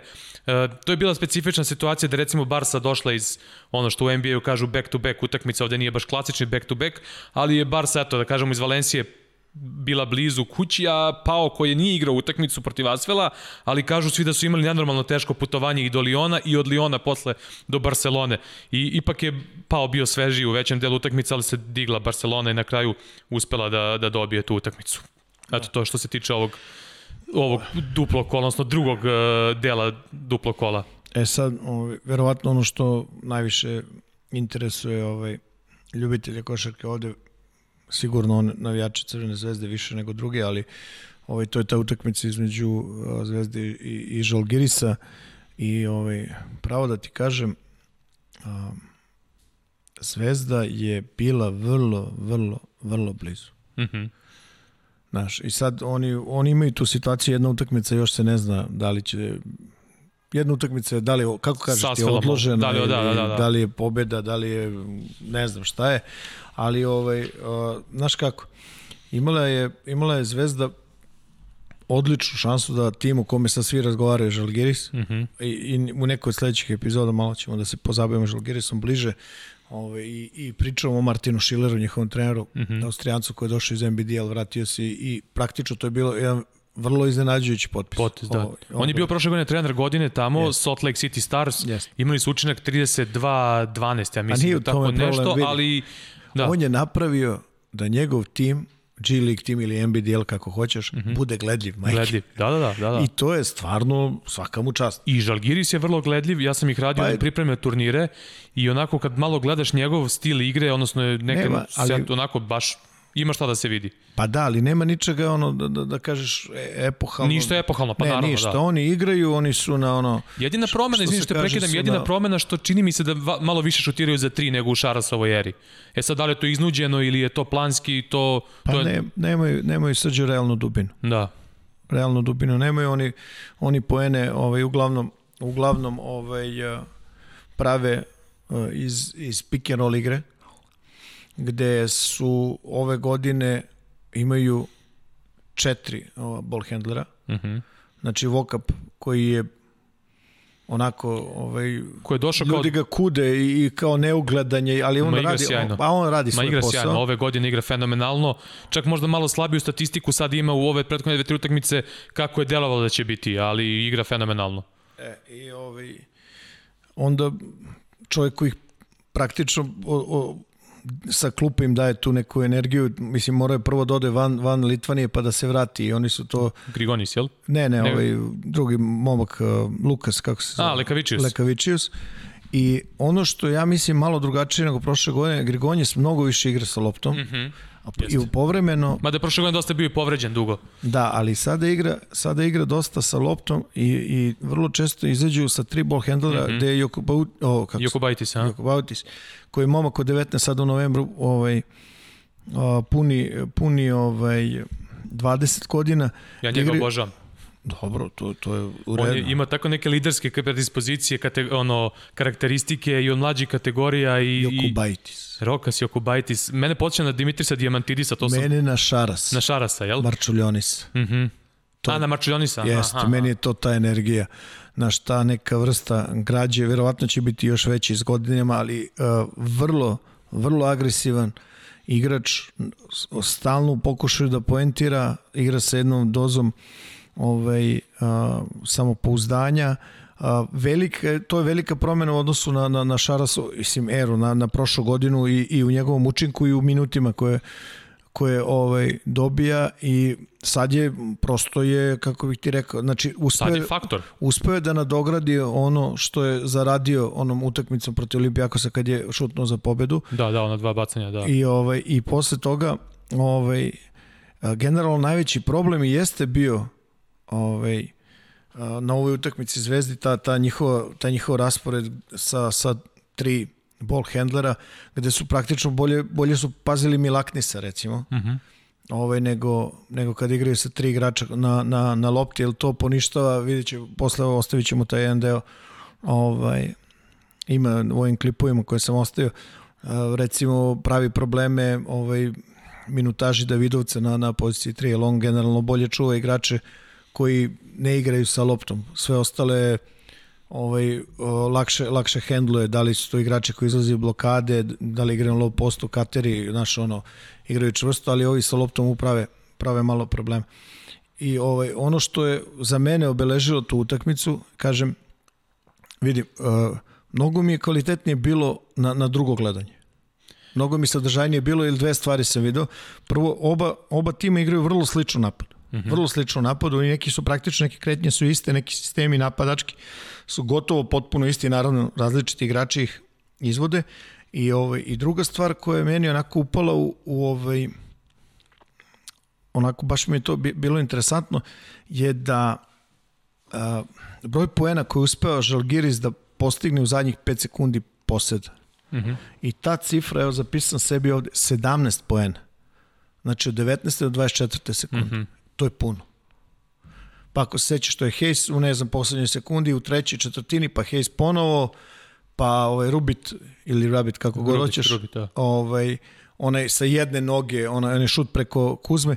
Znači to su sve naš šutevi koji ono sve uradiš po 20, 20, 21, 22 sekunde i onda dobiješ to je previše poena da. 17. I generalno, generalno kad gledaš taj, kad uradiš analizu igre Žalgirisa u, u te četiri neka segmenta, od prvo je do sedme sekunde, od sedme do 13, 13, 19, 19, 24, velika, velika ovaj, većina poena se postiže u tim drugom delu, znači u kasnijem delu poseda 34 poena recimo u, u, ove, u 13. 19. sekunde i 17 na ovoj i, i ne možeš ono, kako bih ti rekao, znači ima taj samo još, mora još da se doradi. Znaš, i ne možeš da, ne možeš da zameriš da, da je tu bilo ne znam kakvih grešaka a, i ovaj, koje čega, prosto ljudi, ljudi su ovaj, ubacili to. Bilo je, bilo je povremeno loše komunikacije i tako dalje, ali znaš, da. ispostavilo se, mislim, Nije, nije slučajno Žalgiris na 4-0. Jeste, ovaj, generalno poslednjih par godina u Euroligi dueli Zvezde i Žalgirisa su prilično zanimljivi za gledanje.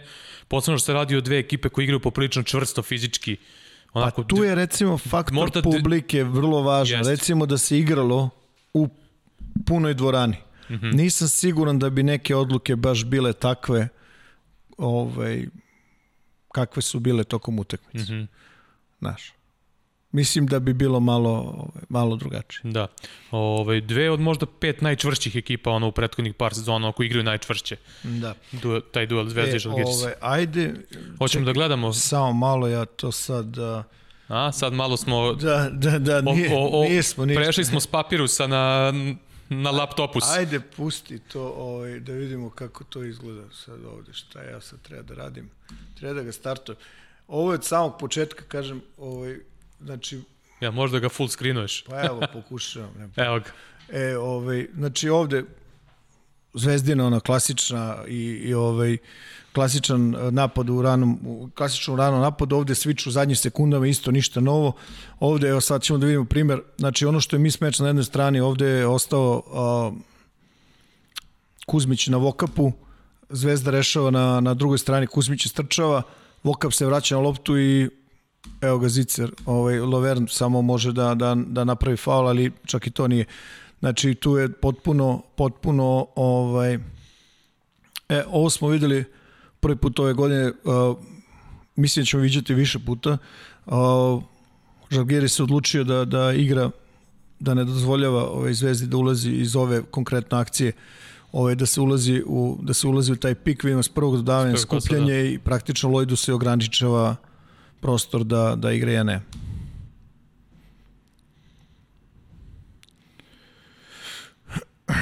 Ovaj, ok, zapamti ovu kretnju i pogledaj, sad će, zaustavit ovde, ok, uh, Lloyd na lopti, više u poziciju mm -hmm. odbrana, e, zapamti to, pošto je ovo napad koji, je, koji, je, ove, koji su Litvanci koristili tokom čitave utakmice, zanimljivo je da, da više puta uh, su poentirali za ovoga baš upravo zbog toga što, što ovaj, ovo nije odbrana, ovo prva blokada nije odbrana na najbolji način. Praktično su stavili Lloyda sve vreme u situaciju da juri za Pa ne, ne, ne, ne, samo, ne samo zbog toga, nego, nego ovaj, to je vrlo, vrlo, vrlo je zahtevna, vrlo je zahtevna ovaj, to kretnja i za odbranu. Ovaj, ovo je isto kretnja koji takođe ima ima ovaj, Žalgiris.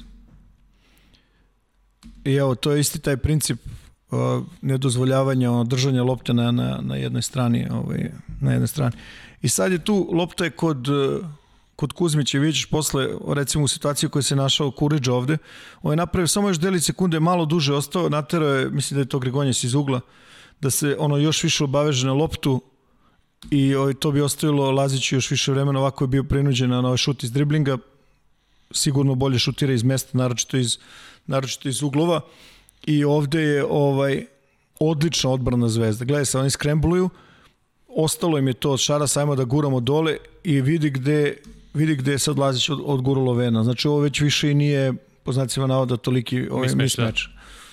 Znaš, strana pomoći Lloyd Hall izvanredna pokreti ovde igra na loptu agresivno i, i ovaj, poništen je taj, poništen je taj mismeč.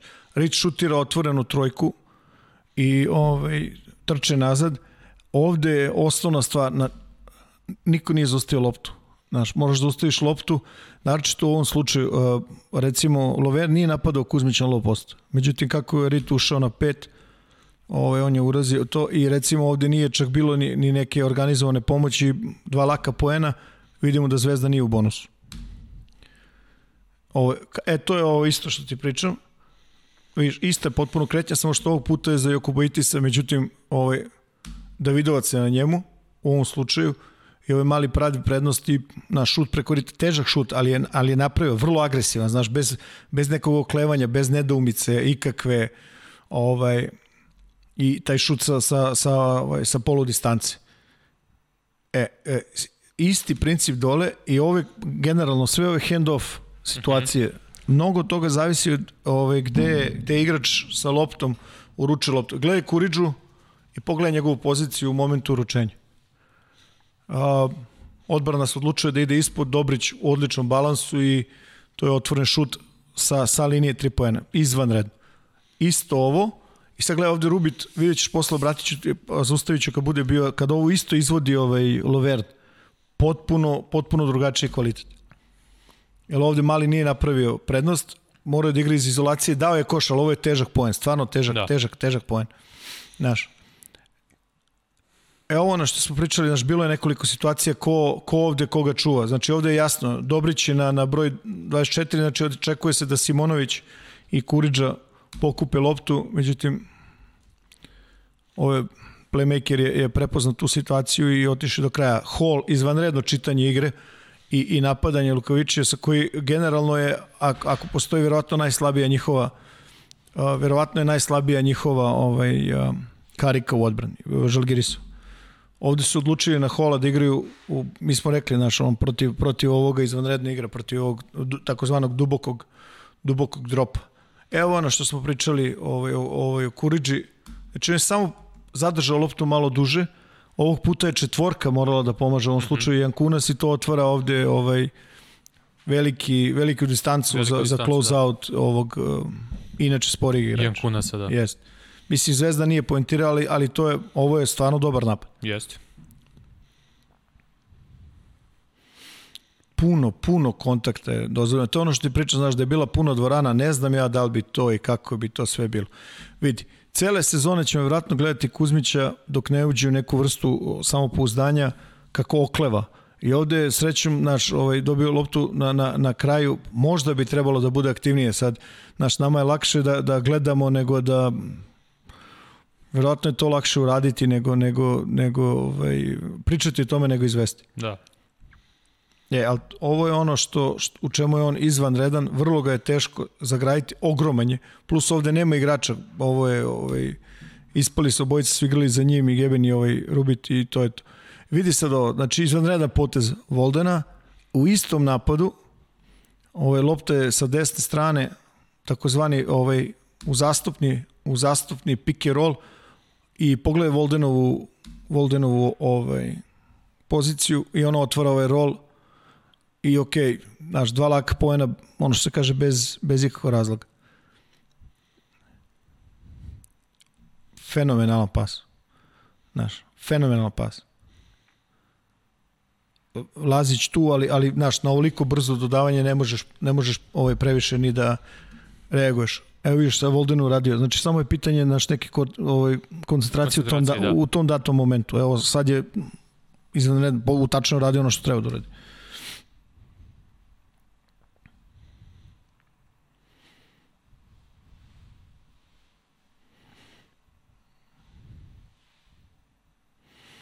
Kažem ti, mislim da je, mislim da je Zvezda igrala dobru odbranu. Evo ovde, prosto sebe nisu nagradili skokom. Znači ovde je Loverni jedan skok u napadu, pa ovde Prodor Girgonjisa, Hall izvanredna anticipacija, gle, pokriva ugao, tera Grigonjisa na ovo između dva igrača i to je ono o čemu ti pričam. Pogledaj vreme.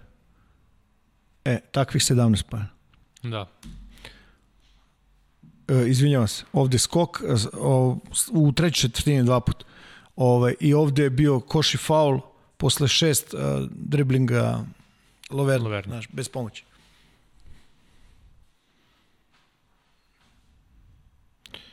Isto ovo, znači to je to usmerenje na strani, vrlo aktivan centar na, na lopti ovde, Rit ulazi u ovu dubinsku kretnju i vezuje igrača na vezuje igrača ispod obruča izvanredno, ovde na Lojda ovaj, Dinaj zatvoreni stav, Lloyd inače prvi strelac Evrolige. Jeste. Prvi strelac Evrolige. Ovaj, I po ovaj, ukupnom broju pojena i po i proseku. I po 40 da. minuta, jeste. I po 40 minuta, da. I vidi, ot, ovo je otvoren šut. I Zvezda ih prosto nije ubacao. Ništa tu sad nema, nema tu šta sad, pa, da, naravno. Znaš. I sad, ovaj, ja stvarno, ja ne volim znaš, da, da se priča o tome da, da je kao promašen šut je kao loša košaka. Ne, oni su napravili taj šut kako Tako treba je. i to je to. Ovo je jedna situacija ovaj, koja je vrlo zanimljiva. Znači, iz, na centralnoj ovaj, ovde poziciji Bekovskoj napada se na stranu gde su ova dva igrača ovde. Ovo vrlo jedna ovaj, zahtevna situacija i vrlo teška. Verovatno da, da je jedna od opcija možda aktivnija pomoć uh, ovaj, Simonović iz prvog dodavanja. Ovako odrolali su iza leđa odbrane i lagan pas i lagana, lagana dva poena. Ja se čini da Žalgiris često opterećuje tu stranu u tim situacijama. Da, pa dobro, pa da. naravno, to, to su, znaš, ono, igraš to, ali gledaj, Zvezda ima iste napade, veruj mi, iste napade, gledaj, ovo je isti napad. Mm -hmm. Evo ti ovo, sad, ovo je raspored ovde, ga vidi. Posle ovog uručenja, stap, ovi, oni, oni rade usmerenje gde umesto da puštaju loptu da uđu u sredinu, oni puštaju centra. U ovom slučaju Rica da, otvara gore. I ovo je ono što ti pričam, znaš, ovo je otvoren šut za Simonovića nema veze, Hayes je ono u skremblu nekom i on se trudi, ali to je znaš, to je to je otvoren šut za, za šutera kakav jeste Simonović. Da. E, ovde sam počeo, ovo je treća ta četvrtina, evo sam pogledao, sad ćemo ove, i sad, e, ne možeš da kažeš da Kuzmić ne igra odbranu, je li tako? Tako je. Tap pre toga izvanredan posle defanzivno. Da. Izvanredan. Pritom Hejsa nije služio uopšte šut na početku Tako sezone, je, ovo, a pogodio ne, je ovo. Ovo su generalno, mislim, njegovi prvi, nije u prvom, prvom polovremenu, mislim, nije dao poen. Da. Gledaj, to su sve iste kretnje. I sad vidi ovo, znači ovde uh, generalno Litvanci ovaj pick and roll brane izolacijom. Međutim, pucali su u sredinu mnogo, mnogo puta, mm -hmm. čak i ozbiljan defanzivni igrač kao što je Vokap. Zvezda ih je napadala, ovde Davidovac, fenomenalna kretnja i Zicer. I on vrlo dobro igra, vrlo dobro igra bez lopte. Bez lopte ovde, da. da, ali vidi, ovde igra na, ovde igra na, na poziciji 4. 4. Yes. Tako da je praktično na, na ovoj utakmici od 2 do 4 sve ovaj, igra. Opet to usmerenje o kome pričamo. Evo, ovo je igrač koji već mora da, da, da bude ovde.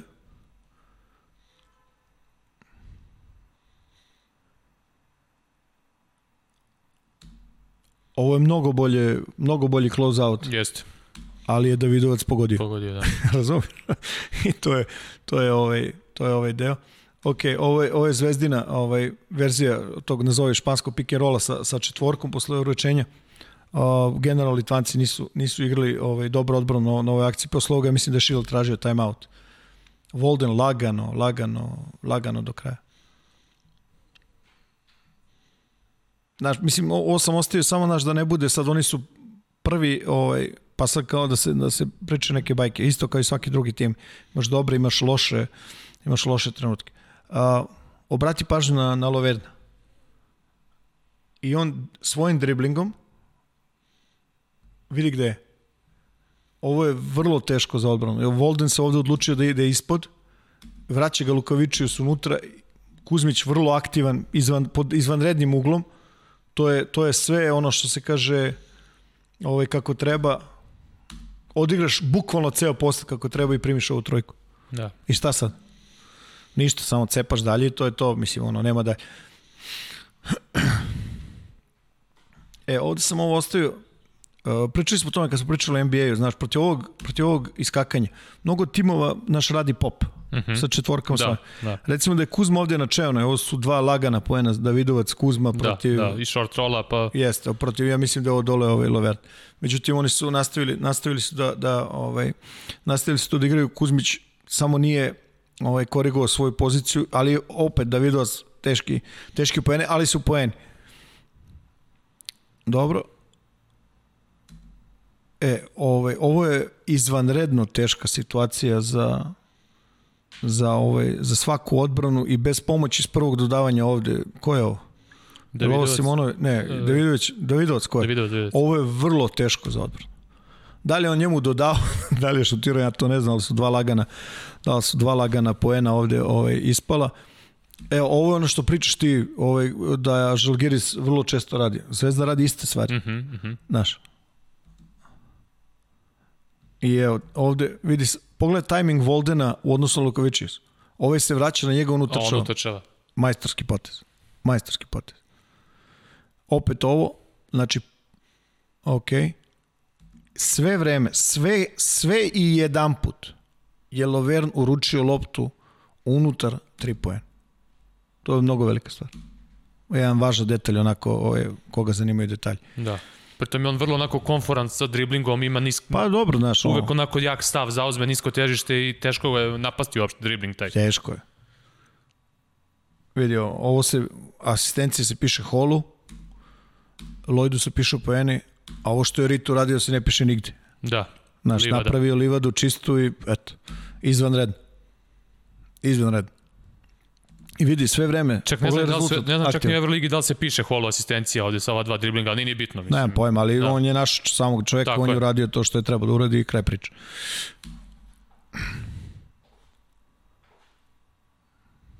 Izvanredno.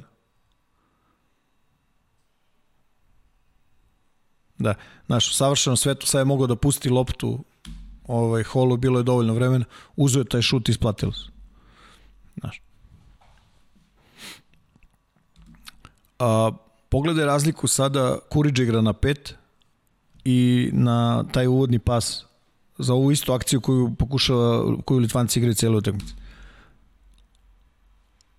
Znači potpuno menja sve ono što radi, menja ovaj, menja ovaj nastavak van tri poena, pa mora da se radi ovaj pik.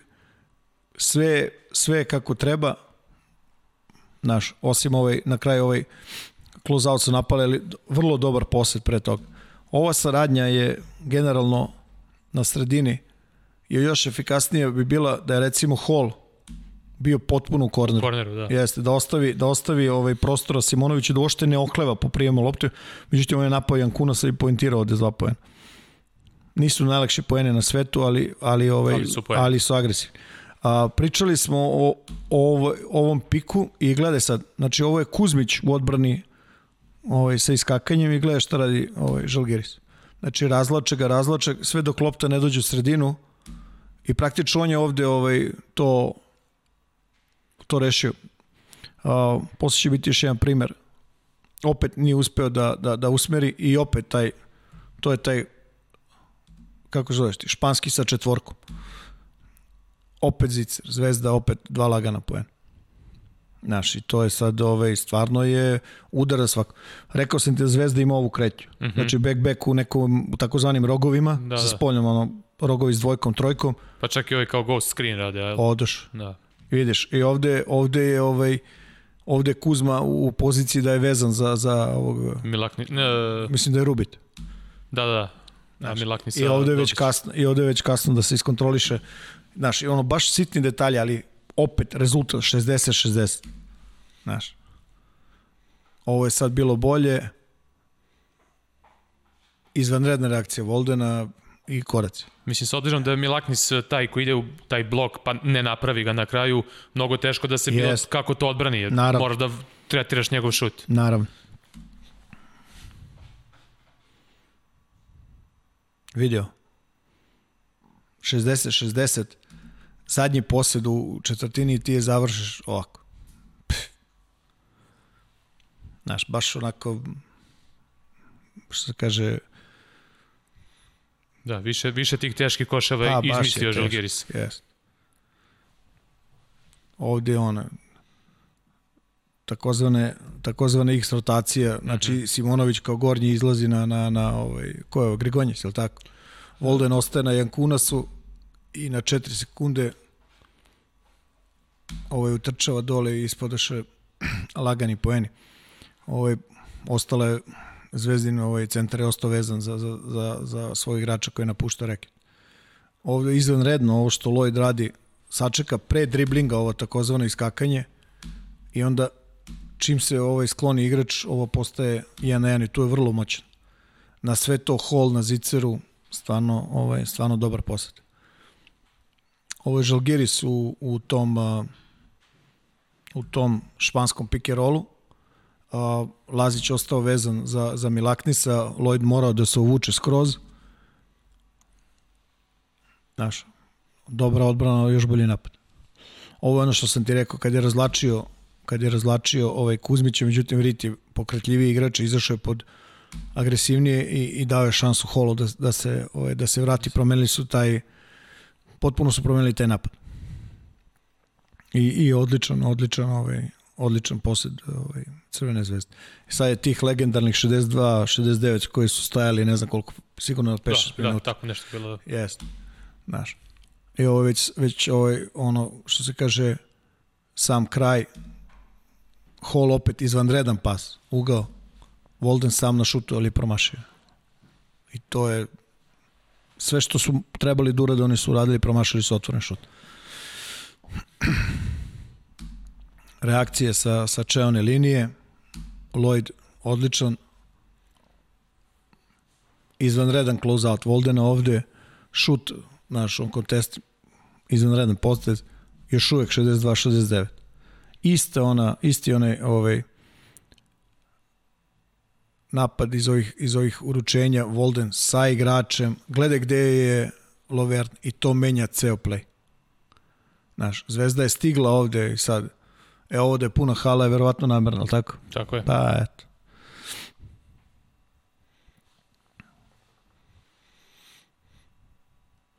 Ovde Lloyd sa igračem, sa Jokobojtisom ovde telo, nema uručenja.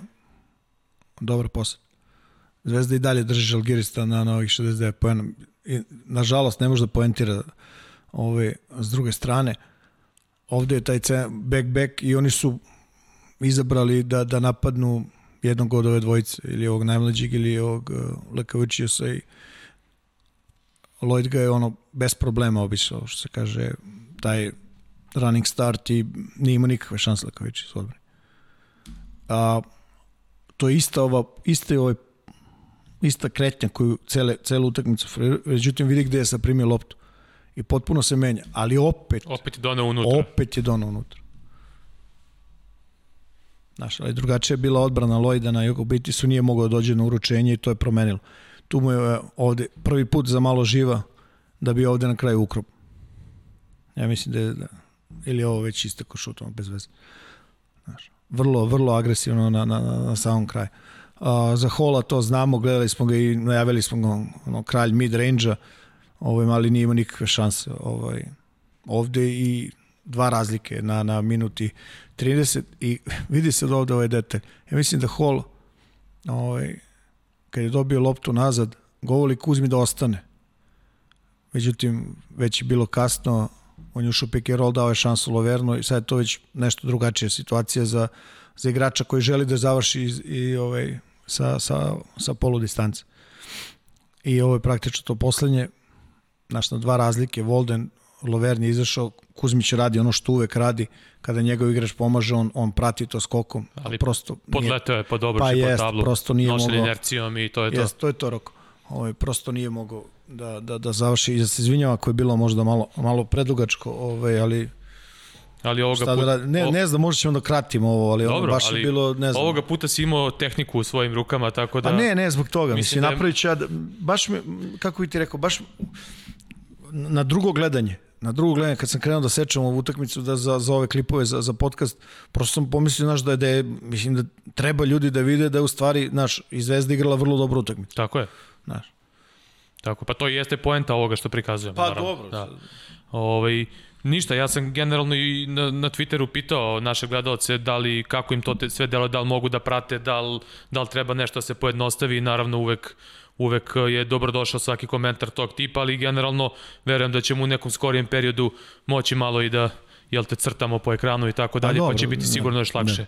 Ajde, moramo pređemo na Ajde, ovaj Eurocup. idemo na Eurocup. Koliko smo roko? A opa. Ovo će Ui, biti najduže epizode. Pa, A? pa ti si krivi. Ja, te je. Ovaj, ajde, ništa, idemo e, na Eurocup, nećemo mnogo da nešto sad, e, dotaći ćemo se Partizana. E, Partizan je doživio još jedan poraz u kazanju protiv ekipe koja je ponovo jedan od favorita za osvajanje ovog takmičenja, ali ekipa koja tek se praktično uigrava i ja sam to rekao i u prenosu, deluje mi da ovo najbolja utakmica Unixa defanzivno gledano od početka sezone, plus e, treba i to reći Unixu fali Nate Walters, e, Okaro White koji bi trebao da bude tekako e, važno, važan šraf u toj nekoj njihovoj igri, takođe još uvek nije zaigrao Partizan je loše počeo utakmicu, e, međutim Partizan je uspio da se vrati onom nekom promenom odbrane i ovaj, došli su u jednom trenutku na minus 3. Međutim, ta treća četvrtina gde se očekivalo da možda uh, se Partizan konačno prilagodio na, i na onu neku agresivnu odbranu na pick and rollu i uh, na, na neke druge stvari i međutim krenulo je potpuno u nekom drugom smeru i Unix je u toj trećoj četvrtini ubacio 30 poena i praktično već tu zatvorio utakmicu. E, viš, ja nisam nešto oduševljen Unixovom odbranom, pravo ti kažem. Ne, ne, njihova odbrana, ja sam to i konstatao u prenosu, njihova odbrana je bila bolja odnosno na prethodne mečeve, ali, Aha, dobro. ali ostavljala Da, dosta te- prostora. nisam te razumeo. Da, da, da. Ostavlja dosta prostora za tranziciju Partizana i ako reše onu agresivnost na, na lopti, da tako kažem, dosta prostora ispod bilo po dubini, ovaj, ali Partizan nije bio strpljiv u nekim momentima, u nekim momentima kad su bili strpljivi i onim short rollom kad su napadali imali su lake pojene na obruču. Da. I zato sam rekao da negde Partizan imao mogućnost da se nadoveže u trećoj četvrtini da, da, da, da možda i okrene situaciju. Pa znaš šta je najvažnije? Ovaj, nije, nije Unix bio toliko bolje da se završi ovim rezultatom. E, to je ključno bilo. I naročito, znaš, kad pogledaš ponovo, ponovo neku ovaj, celu utakmicu, I ovaj, ja mislim da je posle, posle, posle utakmice bila neka, neka priča, neko izjavio da, da je da je jedno od, od uh, najvećih problema takozvana ta komunikacija u odbrani. Stvarno jeste. Ja sam mm -hmm. ostavio tu klipove da, da, da ljudi vide. Znaš, uh, to su, to su stvari koje se dešavaju svakom timu na svakoj utakmici. Samo je sad od kvaliteta protivnika zavisi ovaj, da li ćete iskažnjavati. Da. Unix je kaznio. Mm -hmm. Znaš, Unix je, Unix je ovaj, kaznio, kaznio Partizan u tim nekim u tim nekim momentima recimo naročito u zoni u drugoj u drugom poluvremenu ovaj kad su se malo adaptirali Pripremili u prvom, se, da, pa pazi, u prvom poluvremenu to što nije bilo nije bilo sjajno, to je osam poseda je bilo na na 1-2-2 Partizana. Ovaj od osam poseda mislim da igra Partizan, ovaj oni su dali samo 4 poena, mislim jedan put jedan iz igre i ono dva put nešto posle skoka.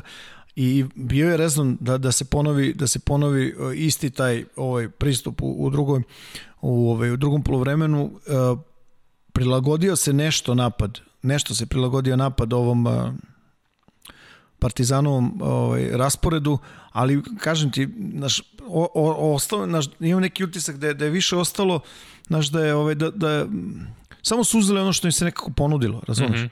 i ovaj i ali u nekim momentima stvarno Partizan ponovo izgledao vrlo dobro. Mm -hmm. Stvarno izgledao vrlo Kol, dobro. Koliko god to čudno zvučalo, pa jeste, da, mislim, sad će kad da kažu... se uzme u obzir pa, situacija i rezultat na toj utakmici, slažem se s tobom. Pa sad će da. opet da bude priča. Znaš, mi da. pričamo jedno, onda vratimo se kući i vidim borac na TV, razumiješ? pa da. ali dobro, mislim, šta da raje. Pa dobro, Partizan večeras gostuje na tradicionalno nezgodnom terenu za, za, za njih. Jest, ali generalno, generalno, znaš, neke te stvari, uh, ovaj, otvoreni šutevi, Partizan ih je promašio. Mm -hmm. Znaš, nije mnogo je sad da kažem da je, da je sad da su šutirali preko ruke i da ne znam da je briljirao Unix u odbrani i tako dalje. A opet s druge strane Unix je na individualni kvalitet igrača pogađa neke Kako ne? Drugo polovreme je Holland otvorio s nekim šutima yes. koji nisu bili laki, preko yes. ruke bili. I ta igra u skoku ovaj, vidi se nedo, nedostatak nedostatak ovaj, Tomasa i ta rana povreda ovaj, Mozlija. Mozlija izvrnuo je taj zglob i na kraju se postavio da je malo teže nego što što smo očekivali je, koliko je 3-4 nedelje. 3-4 nedelje, da, pauze. I to je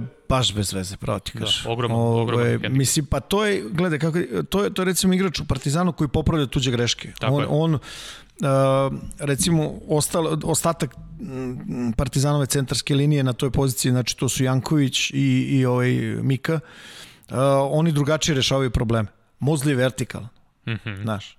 Janković i Mika su čvrsti, uh, znaš, ono, mogu da igraju iz kontakta i ono, drugačije mogu da, da poprave tuđe greške. Mozli može da popravi grešku ovaj, svojim pozicijom i svojim vertikalnoću i, i ovaj, na drugačiji način. I prosto to to ovaj to Partizanu ovaj to Partizanu fali. A, ni, ništa, aj Roko pustio, gledamo ove, ove klipove pa da vidimo kako ćemo šta. E, ovaj, ovi ljudi koji malo, malo ozbiljnije, ovaj, mislim, profesionalno prate košarku, ovaj, preporučujem da pogledaju ovaj deo organizovanog napada Unixa, vrlo zanimljivo. Pričali smo ono srđu kad smo pričali o ovom uh, NBA, uh, ovo ti je open, Mm -hmm. Ovo je pet, pet, pet, pet spoljnih dana, jeste, ovo su neki, jeste, ovo su neki, neki od neki od tih, neki od tih kretnji. Znaš, uh, ništa, ne znam, krucijalno dobro, ali oni, gledaj, ovo je igrač na lopti ekana i on je on dobar bre napadač. I vidio, znaš, super reakcija, mislim da je Jarama sa prvog dodavanja. Znaš, fenomenal. Ok, nateraš igrača koji je u mismeču da, da uzme loptu, ovaj šut je takav kakav je i to je sve u redu a mora da se lopta zaustavlja dalje od koša. Ovo je već pre, ovaj, pre, pre duboko za bilo šta što hoće. Njihova prva opcija je, mislim, izguravanje ispod, ali ovo je, ovo je, baš, ovo je baš preduboko. I ovde, to je ta priča komunikacija, ovde Zagorac, uh, Janković, znaš, i Holandov kvalitet. Tačno je stao onog momenta kada je provalio da ga preuzimaju. Znaš, ona to je kad nazovi na, na ničije zemlje, znaš, da, da. U, tom, u tom jednom sivom momentu, aj tako da ga nazovem. On. Ovaj, fenomenal. Jaramaz, na, e, ok. I kako, šta sad?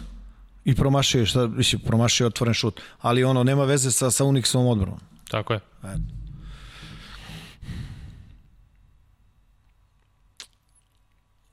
Opet, ovaj, taj open i ovo je verovatno i najbolje što su pokrili na, na, ovaj, na utakmici. Evo ti.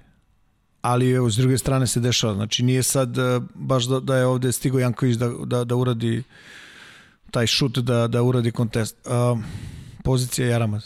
Vidiš? Mhm. -huh. On mora, mora, mora biti ovde. E sad, uh, ovo što je uradio Mozli, to je ono o čemu ti pričam. On Tako. može da popravi tuđe greške. Znaš, generalno... On stiže što običan čovek ne stiže. Pa, ajde, tako. I Jaramaz je ovo ostalo gde je izvanredan i samo ću podsjetim ovaj, gledalci i slušalci prošle nedelje je pričao ovaj, Bogi o tome da, da bi voleo da vidi ovaj, spoljni igrače Partizana još agresivnije u, pre nego što je odbrana postavlja.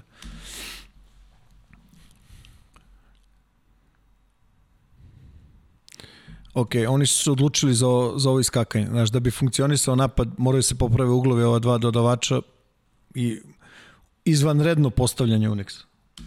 Ovo je verovatno najbolji poslet koji su odigrali na, na utakmici. Pričamo o, o pick and roll. Uh mhm. -huh. Znaš, i napravili su da, da ovde ovaj, da ovde mora da, da McIntyre igra 1 na 1, a ja bih voleo recimo Jankovića sad ovde da vidim u uglu. Znaš, da mu ostaje više prostora.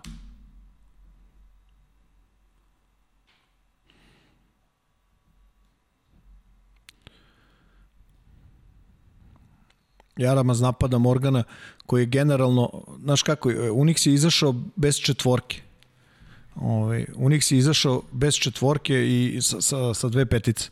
Vidi sad ovako, znači došlo do preuzimanja na, na lopti i Jaramaz dodaje loptu McIntyre, na, moraš da vidiš ovo da vratiš loptu nazad. Razumeš? Uh mhm. -huh. Da se vrati loptu tamo gde je ostao mismeč u savršenom svetu verovatno bi i Jaramac trebalo to da, ali ono ok, hoće da protiv agresivne odbrane pusti pazi, to je super, nema, nema, nema dilema. Da bi se na kraju zaustavilo ovdje, sad naš Dangubić mora da improvizuje na 6 sekundi do kraja bez praktično bez prednosti da, da, da pokušava da igra u nekom ovaj, neku jedan, jedan, jedan, jedan igru. A, ili bonus, Srđo? Ja ne vidim odavde. E, nije. To je ovo što si ti pričao. A, I tu se povredio Mozli. Jeste. I ovde sad na ovom preuzimanju, znaš, sad da li si morao da ga radiš, nisi mogao da radiš, odličan napad Brauna, trećeg, ajde tako kažem, ili Brauna, i, ovaj, i, i super ispala ta saradnja, mislim, super za Unix. A, to je ovo što si ti pričao, čim Morgan ovaj, zakasni i oni generalno rotiraju. Prošle nedelje smo videli ovaj, slično što Baskonja. Baskonja je radila ovo, mm -hmm. Zvezda je kažnjavala.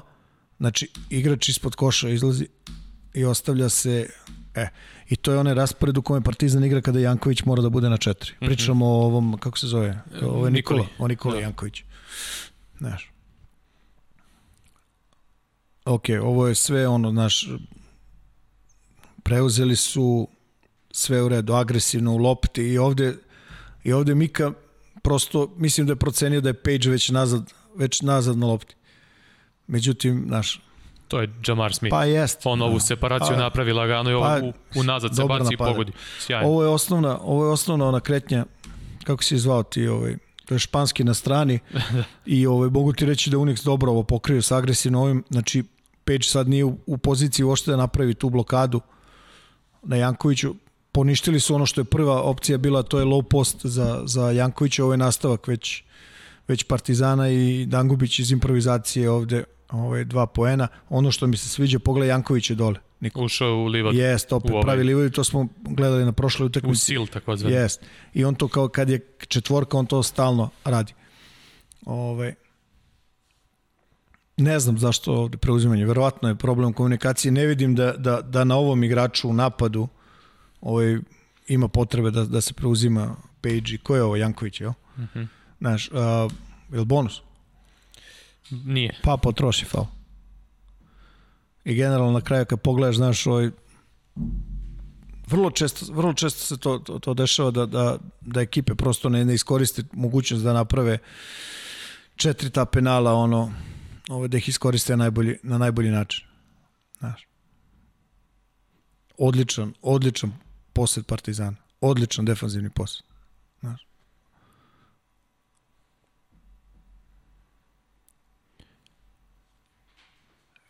Mik. I ovaj, ima puno priča o njemu.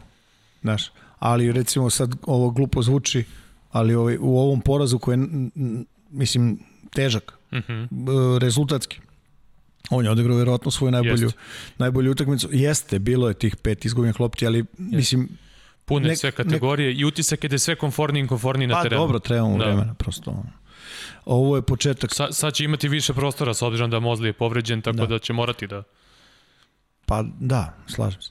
Ove, ovaj, ovo je taj početak uh, zone 1, 2, 2, pa ovi igraju, vidiš, igraju taj open, igraju, igraju iste rasporedi iza čoveka. I ono što je dobro, znaš, jeste ovo je sad šut preko ruke, ali relativno otvoren šut, ali ono što je nevažnije, prebačeno je težište sa, sa nosilaca igre na takozvane pomoćne igrače. Janković izvan redan ovde, dobar zagorac, reakcija sa, na strani pomoći, vrlo agresivno i mislim da je, da, ovo je odbranjen. Ove, ovo je ona kretnja što je, što je gledamo, ono, mislim, igraju, igraju sve. I gledaj sad. Sad, nama je najlakše da kažemo ovde Zagorac treba da šutne, ali tako? Bio sam, realno. Znaš. Velika pomoć je bila Brauna i, i to se sad ovde završilo ovde se završilo ovim šutem koji je nekarakterističan za, za Jankovića. Ne možeš baš da kažeš da je to njegov forte. Ali, znaš, zbog te takve situacije je, je ovaj, vrlo teško. I ovo, ovo, su te situa ovo je deo, deo igre gde je ovaj, Zagorac igra na, Zagorac igra na četiri, a mhm. Dangobić je, ne, nije Dangobić, ovaj Trifunović je na trojici. Na tri, da. Ovo je taj takozvani uski, uski rogovi koji se igraju protiv ekipe ovaj, koji igraju ispod i odlično odrađeno i Janković ovaj, egzekucija ono, nije lagana ali pametna. Ovde iskakanje, dobar dobar posed. E sad, vidi ovako, ajde da ne brojimo i da ne vraćamo. Ja mislim da je sedam, sedam ove driblinga je ostavio Partizan Janković da igre 1 na 1. Ok. Morgan je prosto igrač koji uživa u kontaktu i dobro igra iz kontakta. Možda možda ovaj, trebali organizovati, organizovati bolje pomoć. Znaš,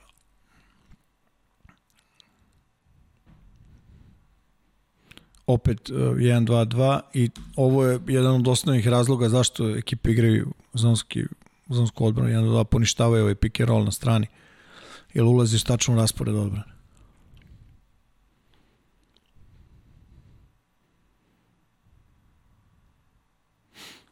Ovde Trifa nešto aktivniji, možda i kasnije na ovaj šut, ali naš odbranio je ono što je, što je gorelo i to je, to je sve u redu.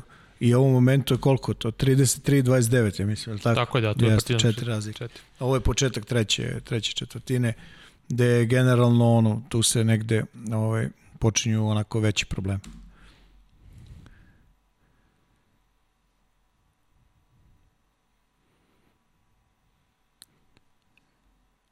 E vidi, znaš, u ovoj situaciji, to je ono kad pričamo samo po uzdanju igrača. Uh mhm. -huh. Ovo je verovatno naš igrač ovakvih fizikalija Dangubić, to je ono, zakucavanje, nema pojma. Međutim, on se odlučio za, za, za, za drugu opciju i ovaj, otvorio kontranapad ovima, gde evo opet ta priča o, ovaj, o, o preuzimanju ranu, ali sam početak četvrtine, pravi faul. Znaš, ok, uh, probao je ovaj, McIntyre, Milan McIntyre je probao da odigra, to ja nemam, to je, to je, ovaj, to je vrlo teško. E vidi, ove poene, ovo je napravio Mika ovim potezom.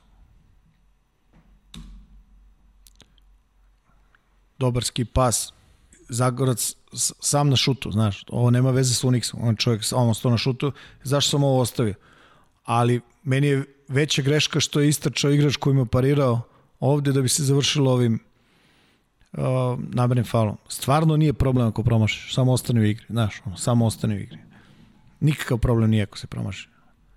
Ovo je ono što sam ti pričao, znači sad ovde Dangubić prati igrača, oni ostaju u zonskom rasporedu i je, mislim, evo ga, i ovaj pogodi.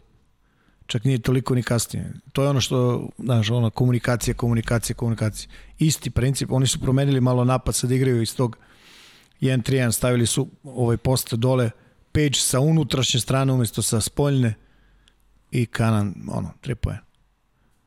I od jedan put je ovaj rezultat ovaj, ko što ga ovde ovaj, i vidimo, razumeš? Isto. Znaš, a ne može, stvarno ne možeš da kažeš igračima, znaš, da kao a, nisu, nisu želeli ili, mislim, ono kao, neću da igram ili ne znam šta. Ovde su ostavili Jankovića da, da igra, ne, čovjek je previše brz. Da li je mogla da bude ovde Page, da li je mogao da, da bude na, na, na ovoj poziciji ovde, verovatno je mogu. Ali generalno većinu igrača Janković uspe da ostavi ispred sebe, znaš. I to je to.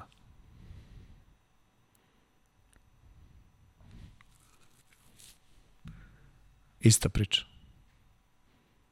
I na kraju se, to je to roko, skratit ću.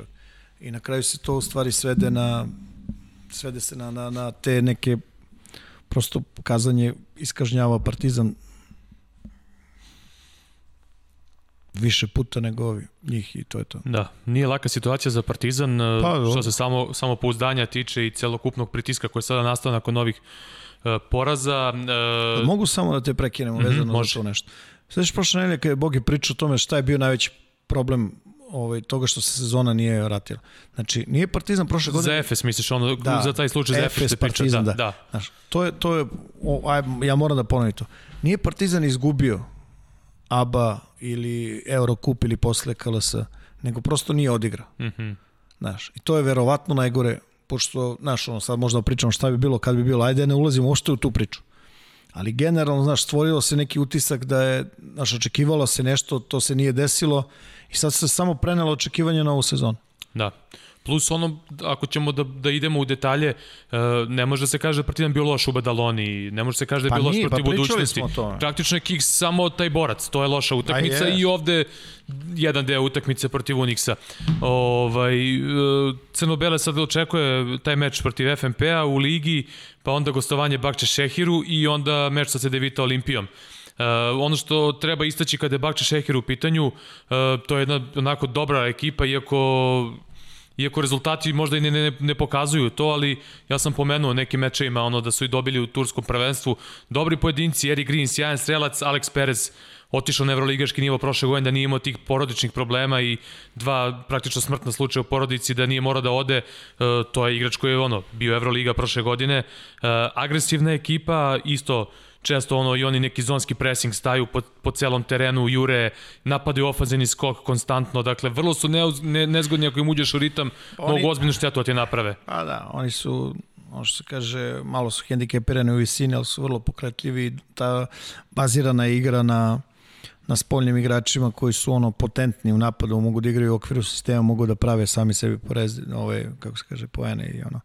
Ti sad kad pogledaš tabelu, oni su bez, uh, bez pobede, jel tako? Sad da li će bude lagano, ne može da bude lagano. Generalno u Eurokupu imaš tri tima koji su napravili 3-0, ja mislim da je Badalona i Monako i Trento. I, Trento, I da. to verovatno, ako se ne znam, ne, ne budu des, dešavala nekakva čuda, oni će verovatno proći u, u sledeću fazu. Ovaj, koliko? 4 od 6 ide, ide napred. Da, tako? da.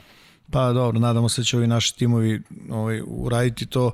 O, Mornar je ovaj, u dobroj poziciji budućnost igrala jednu zanimljivu utakmicu protiv, protiv ove Unikahe, znaš, i ovaj, prosto nisu odgovorili ono što je najzanimljivije u stvari na toj tehmi, ono, a, broj poseda, razlika u broju poseda, znaš, u budućnost izgubila utakmicu koju je šutirala 64%. Mm -hmm. Nevjerovatno. Znaš, da. nevjerovatno. Ali nisu mogli da odgovore onoj šuterskoj moći ovih. Iako su oni sami šutirali izvanredno, kažem, prosto je ovaj, Unikaha na kraju pobedila, ali nije to, nije to uh, poraz koji te boli, ono. to je ono poraz koji treba da naučiš. Prosto vidiš da možda igraš i sa, sa, sa, sa takvom ekipom. Tako je. To, to bi trebalo da bude. Uh, hoćemo da za kraj samo malo prođemo neke stvari iz NBA-a. Uh, mo, moramo, moramo. E, ali de, desile se neke stvari koje su onako uh, suštinski onako bitne, da tako kažem. Nećemo mnogo, pominjat ćemo finale, ono što je desilo u narodnoj epizodi. Uh, samo kratko, znači, pominjali smo Houston Rockets, taj stil košarke, uh, onaj uh, Mori Ball, apropo Money Bola, uh, Daryl Mori je otišao sa mesta GM-a Houston Rocketsa. Uh, voleli, ne voleli, oni su neki svoj stil imali, e, da li je taj stil pobednički ili nije, za Moneyball je ista priča da je to daje veće rezultate tipa u regularnoj sezoni nego u play-offu, međutim u toj eri imali su situacije ono uh, gde nisu imali sreće, ona povreda Krisa Pola, imali su situacije gde su i znali svoje vremeno i sa Lakersima da, da se kolju i tako dalje i tako dalje, dakle mnogo za i protiv, ali ono što ne može niko da im oduzme, uh, 61,5% uspešnosti u toj njegovoj eri, samo je San Antonio uspešniji tim od njih u, toj, u tom nekom periodu bio u NBA-u i to je nešto što mora da se respektuje. Pa da, morat ćemo sačekamo malo Da. Možda se kaže da prođe ovaj neki period vremenski da bi mogli da pričamo tome da li je ovo što se desilo dobro ovaj, ili loše za, za Houston kao organizaciju, znaš. E, zato sam teo da te, da te uvedemo u ovu priču. Da vidimo šta, šta tu možemo da očekujemo. E, njima je i dobar deo e, njihovog front ofisa napuštao. E, Rosas je otišao u Minnesota prošle godine, ovaj, McNabb je otišao sada u Sacramento. Dakle, ljudi koji su praktično tu negde mogli da naslede s tim nekim stilom su napustili, napustili klub. Pominje se Jeff Van Gundy kao možda prva opcija za trenera uz Lukasa, koji je ono takođe dugo nije radio u NBA-u.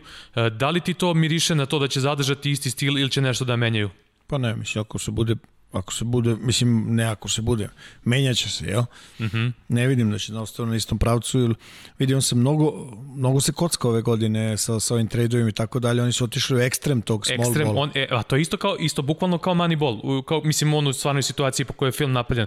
Oni bukvalno nemaju ništa od pikova u narednom periodu, u narednih par godina, znači u eri Derila Morija 77 tradeova, su napravili, znači, pa, onako... Pa je bilo zanimljivo. Što jeste, jeste, bilo zanimljivo. Oni, ja mislim da sad imaju samo šest igrača pod ugovorom i toko malo prostora imaju za, ono, u salary capu, a ovaj Tilman Fertita je ono u fazonu kao nećemo da prebacujemo mnogo salary cap, nećemo mnogo da plaćamo poreza, tako da onako sledi priličan, onako, prilično interesantan period, posebno što se mnogo šuška o tome da će neki da napadaju uh, Hardena, a sve češće se priča da će ovi tvoji Nixi, ili što ti kažeš ovi moji e, da, Nixi. Da, da, e, da. Ej, nemoj da, posle da bude da ja stalno tebe nešto da, da, da. Sad, da, da se zna da i ti... Ovaj, čekaj, nisi, čekaj. Nisi ti finac uopšte. E, napašću ja trenersku struku kad Nisi ti uopšte finac, Burazeru. Na, na, na, imaju ljudi ono kao kao ja i ti naš odnos, mislim, naš odnos je ono privatni takav. A već smo nije, objasnili to milion ali puta. Ali nisi ti finac.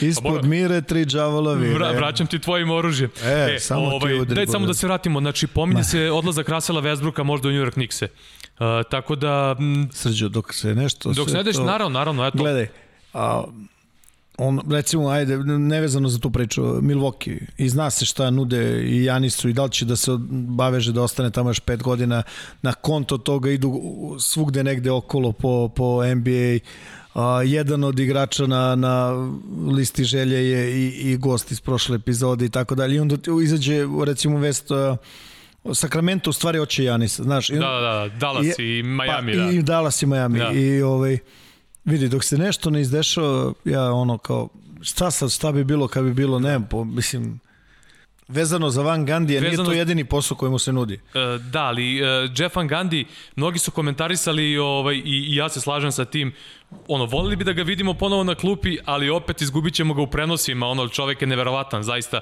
i u ovom play-offu još jednom dokazao ono, stvari koje on vidi na terenu i sve ostalo, i te kako znači, ja to iz mog nekog ugla i komentatorskog i neko ima, kao gled, za, ovaj, zaista... Pa on je vrlo obrazovan, vrlo elokventan, vrlo iskusan ovaj čovjek i, i taj posao radi stvarno, stvarno dobro. Jeste. Stvarno, stvarno, mislim, stvarno dobro radi. E, i za kraj samo još da konstatujemo da dolaskom Tyrona Lua na klupu eh, LA Clippersa imaćemo u narednoj sezoni čak osmoricu aktivnih trenera koji imaju šampionsku titulu. On, Frank Vogel, Rick Carlisle, Steve Kerr, Erik Spolstra, Doc Rivers, Greg Popović i Nick Nurse. Interesantna situacija. Šta reći? Šta reći? Šta reći? Bukvalno. Koliko smo ubili? Jel smo Pre, oborili rekord? Previše. Koliko? Uha, ovo je rekord definitivno što se gledanosti tiče, pa, ali... Ja sam ti rekao.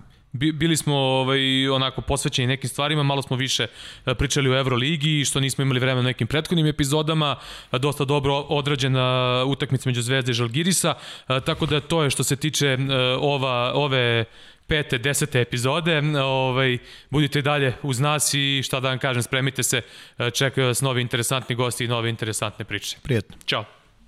Woo!